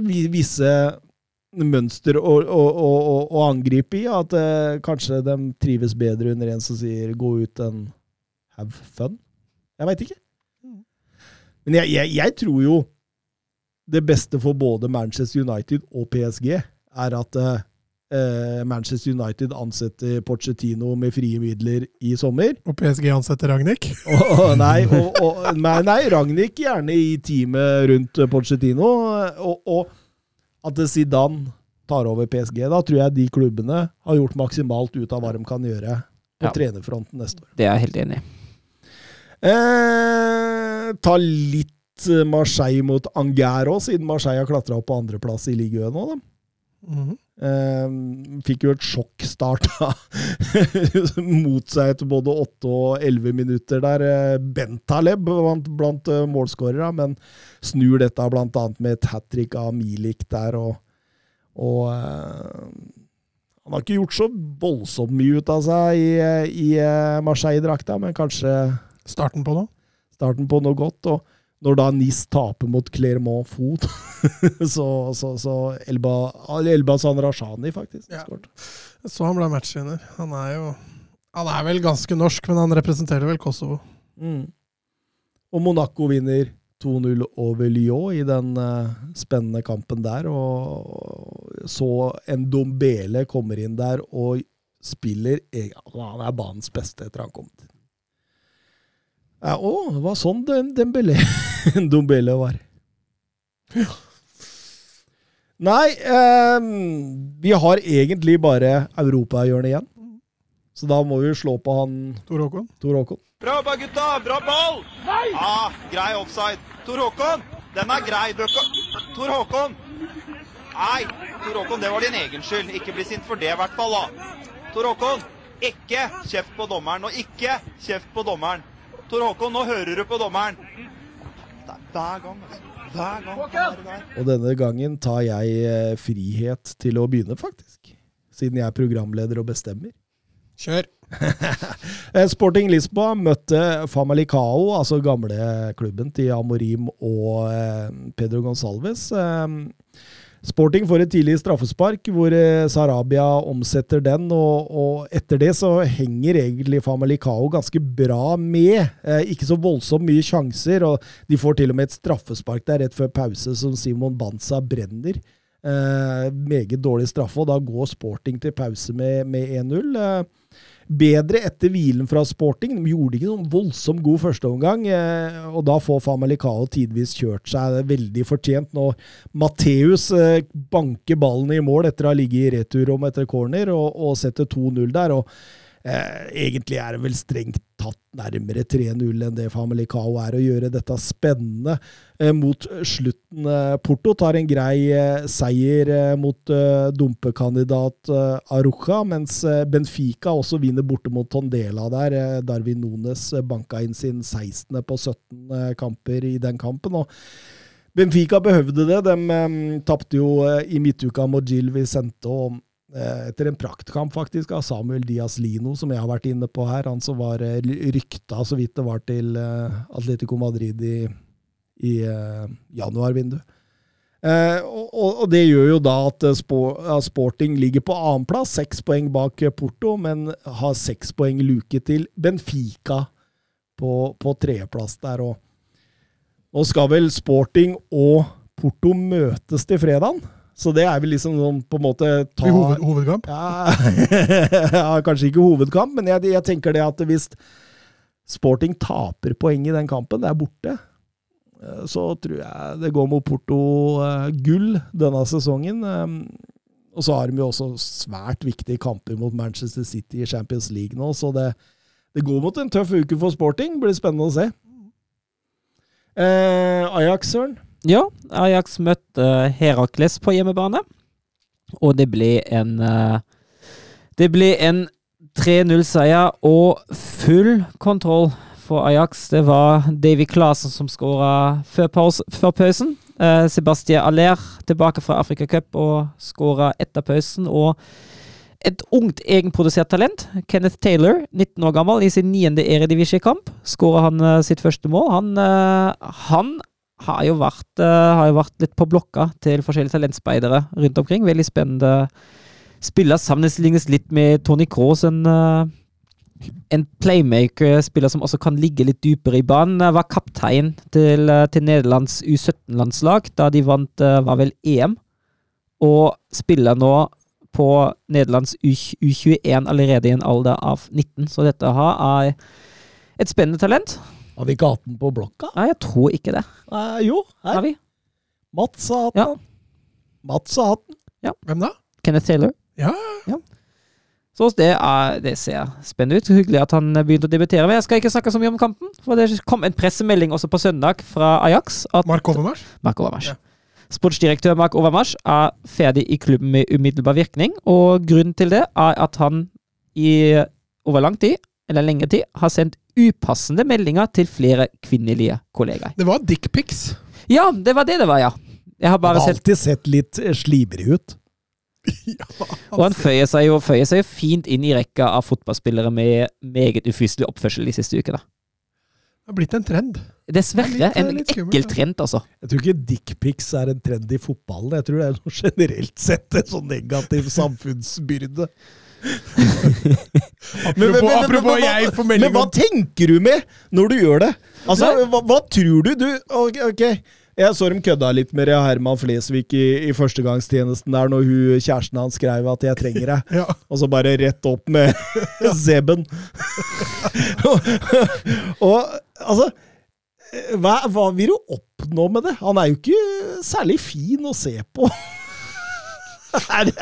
Hva, hva, hva, hjelp meg, gutter! Nei, jeg, jeg skjønner ikke det heller. Altså, det, det, det, det er jo bare usympatisk på alle mulige måter å gjøre det. Ja, altså, det, Eh, altså- jeg, jeg, jeg skjønner virkelig ikke det greiene der. Nei, og så er jo godeste Mark Overmars Han gifter seg, jeg seg jo med sin uh, long term partner, som det står, i 2013. Og han er jo en gift mann. Og det er jo Det, altså, det er så Du er sikkert stolt. Eh, håper jeg det for guds skyld ikke. Eh, Jeg forgifta seg nemlig fordi han var så kjekk. mm, altså, det, det, det, er, det, er så, det er som et bildeoppførsel. Og Hun gifta seg fordi hun hadde fått et bilde av Det var sånn han, det var sånn han dro inn hun, nemlig. Med nok dickpics. Så det var- Eh, eh, Men, men, men Det er ikke størrelsen du kommer an på, det er mengden dickpics du må sende. Du må ha, du må ha flest mulig du må, Fra alle vinkler! Ja, du må ha Og forskjellige frisyrer. ja, og så sender du til flere av gangen, så får du, da har du større sjanse, ikke sant? Munkesveisen. ja, jeg tipper jo at det var det ikke som Overmars prøvde akkurat det, sende ut til flere omganger, da. Ja, ja. Altså, det, Tok en Jon Arne Riise. Han gjorde ikke noe dickpics, men han sendte vel noe SMS til eh, flere norske kjendiser her. Og så Ja, han ville ha én jente i hver arm han, når han Ja. gikk på en sånn der rød løperopplegg. det, det er fint, det er fint. Men uh, hva er det for noe med fotballspillere nå? Nei, jeg veit ikke. Uh, Altså, fordi nå begynner det å ta altså, Ok, motbydelig oppførsel, eh, Rashford og og- Nei, Rashford, sier jeg. Han, Ja, han det- tror jeg ikke vi skal trekke ned i Nei, for det, det er vel litt stikk motsatte, men jeg mener Greenwood og, og, og sånt. Også. Ja, det er den verste. Ja, enig, helt enig. Greenwood, du Greenwood det- toppe lista med god margin, altså. Men, men, du, men du har jo liksom Gylfi Sigurdsson. Ja, det er greit, sånn, okay, Ja, han, eh, han topper vel kanskje den lista der. Ja, den var ennå- ja. Hvis, ja. Ja, Og, og, og, og hva, hva, hva er det som skjer, liksom? Hva, hva, tenker man? Jeg fatter ikke, altså. Det er, tror de at de er hevet over vanlig borgers det er, Kan jo altså, virke litt sånn, da. Kurt Zuma starta jo i dag, han. Ja, det, er- det, det er motbydelig. Det er motbydelig, faktisk. Du kan ikke Fotballspillere er jo litt sånn. heva over hvermannsen. Ja, det er åpenbart. øh, Åpenbart. tror du utenom- tror du sjøl, i hvert fall. Ja, utenom Adam Johnson, da. Han, han Så du intervjuet med han i fengsel? Nei. Nei, Han forklarte jo det at han, øh, han, han angivelig dømt for seksuell omgang med en 15-årig jente. Mm. Og han hevder jo sjøl at han kyssa henne, eh, og at og han hadde fått Han fikk mer i fengsel enn det folk for, fikk for mord, da. Mm. På grunn av han het Adam Johnson. Så det er åpenbart at de ser andre veien også, da. At, eh, at de blir mer straffa for å, å, å være i, Jeg veit ikke, men eh, Altså, du er jo et forbilde, da. Men vær så snill og bare lev normalt, da. Vær en oppegående person med Oppfør- moral og etikk. Oppfør deg med respekt til, eh, til folk rundt deg, og, eller generelt levende, levende Nei, ting tror, rundt deg. jeg tror det er helt umulig for oss å sette oss inn i de skoa der. Altså Det presset de lever med, det er én ting. Men, men tenk deg å bli forguda da, av så mange tusen mennesker Ja. som roper navnet ditt og hyller, det du vil hyller deg. Og, og hvis du går på gata, så blir du altså, Folk er nesten villige til å gjøre hva som helst for deg, liksom. Så, Kan da- bli litt skrudd i huet. du blir litt skrudd i huet hvis ikke du har, eh, har bagasjen riktig plassert. Så har vi intervju med Wayne Rooney nå, som gjør en strålende jobb i Derby for tida, og var vel aktuell for Everton-jobben Mm. også. Han fortalte jo det at det presset han, han følte han hadde i Manchester United, da, gjorde det at han låste seg inne og satt og drakk i to døgn i strekk, bare for å kunne glemme litt. Mm. Og, og Mertesacker har vel også vært inne på det der, der at det, det, det var rett og slett en, en, en lettelse når han kunne si at nå gir jeg meg med fotball, liksom, for å leve under det presset. eh, Som forventningene Altså, omgivelsene har Nei, det det er, det er tungt tema. Det, jeg kjenner det, det er tungt tema. Det er ikke lett, nei. Det, men det, er jo i hvert fall ingen unnskyldning til den oppførselen som vi har sett. Nei, nei, nei. nei, nei, nei, nei, nei. nei, Det, det er det ikke. Eh, Mats, Anderlecht siste på tapeten. Eh. Ja, for de som da har lyst på en liten opptur, så er det bare å se den matchen. For det var virkelig Altså, Sagado så jo ut som eh, Så jo ut som Lothar Matheus i glansdagene, faktisk. Hvis har vi bare sett, kalle Sagado Klordrik Duck fra nå? Ja, det kan fort gjøre, men det kan et par andre her også. Altså, kampen starter, eh, så går det tre minutter, og så surrer De møtte forresten Djupen, et lag de også møtte i midtuka i cupen, hvor det blei 2-2. I det første av to matcher, så de hadde to eh, kamper på en uke mot, uh, mot Djupen. Nå var det på hjemmebane, og det starter med et, en stopper som tar seg veldig god tid. Sergse Leser, aleine med keeper, setter 1-0. Bare tre minutter seinere Eh, så gjør man altså samme tabba, men litt annerledes. Da er det et tilbakespill som er forløst. Kwame snapper opp, skyter i mål 2-0 før jeg har spilt åtte minutter på to giganttabber. Og så tenkte annerledes at greit, nå har dere vært veldig snille, så da får vi gjengjelde dette. Eh, og, og gjøre en ny generaltabbe bak der, og, og Previak får lov å sette, sette 2-1. Og da, da var det jo litt spenning i kampen igjen. Eh, og så topper jo da Sirksi det hele etter 24 minutter med et nydelig brassespark på en keeper jeg vil påstå er en keepertabbe, for han greier faktisk å bare slå den rett til Sirksi, som tar en veldig godt utført brasse. altså. Og da står det 3-1, og etter det så, så har Anderlecht full kontroll. Tabbene sluttet å, å florere, og, eh, og de kontrollerer inn. Benito Raman får, får sette spikeren i kista etter en dødball, som heldigvis ikke var en tabbe. da, Så ble det ett mål i den kampen som ikke var en, var en tabbe. så... Fullt fortjent seier til Anderlecht, som, eh, som har dette utafor topp fire, eh, men ligger som sagt rett bak denne viktige fjerdeplassen. Mm. Mm. Deilig. Morsomt å, å følge, seg ned akkurat for tida. Ja, Anderlecht har tatt seg opp litt med de første 25 minuttene her. Altså, det, det, det er noe av det verste. Altså. Altså, dette er liksom en toppserie som skal liksom være, være en av de bedre i Europa. Det, altså, det var, tabbene florerte. Det var nesten ikke til å tro. Det så ut som Sunday League i England. Spilles midtukekamper i Premier League nå. Eh, Newcastle leder 3-1 over Everton. Eh, blant annet med scoring av, av Kieran Trippier på direkte frispark. Ikke si noe om United, da. Nei, jeg kan si med Westham. De eh, leder 1-0 mot Watford. Og Kurt Zuma har skåret. Mhm. Nei, eh, heldigvis Jared Bowen. Ja. Mm. Heldigvis, heldigvis. Skal vi si nok er nok, eller gutta? Ja, Nok er nok. Eh, farvel, alle sammen. Vi høres igjen eh, neste tirsdag. Ja. ja tirsdag. Mhm. Ha det. Adjø. Ha det.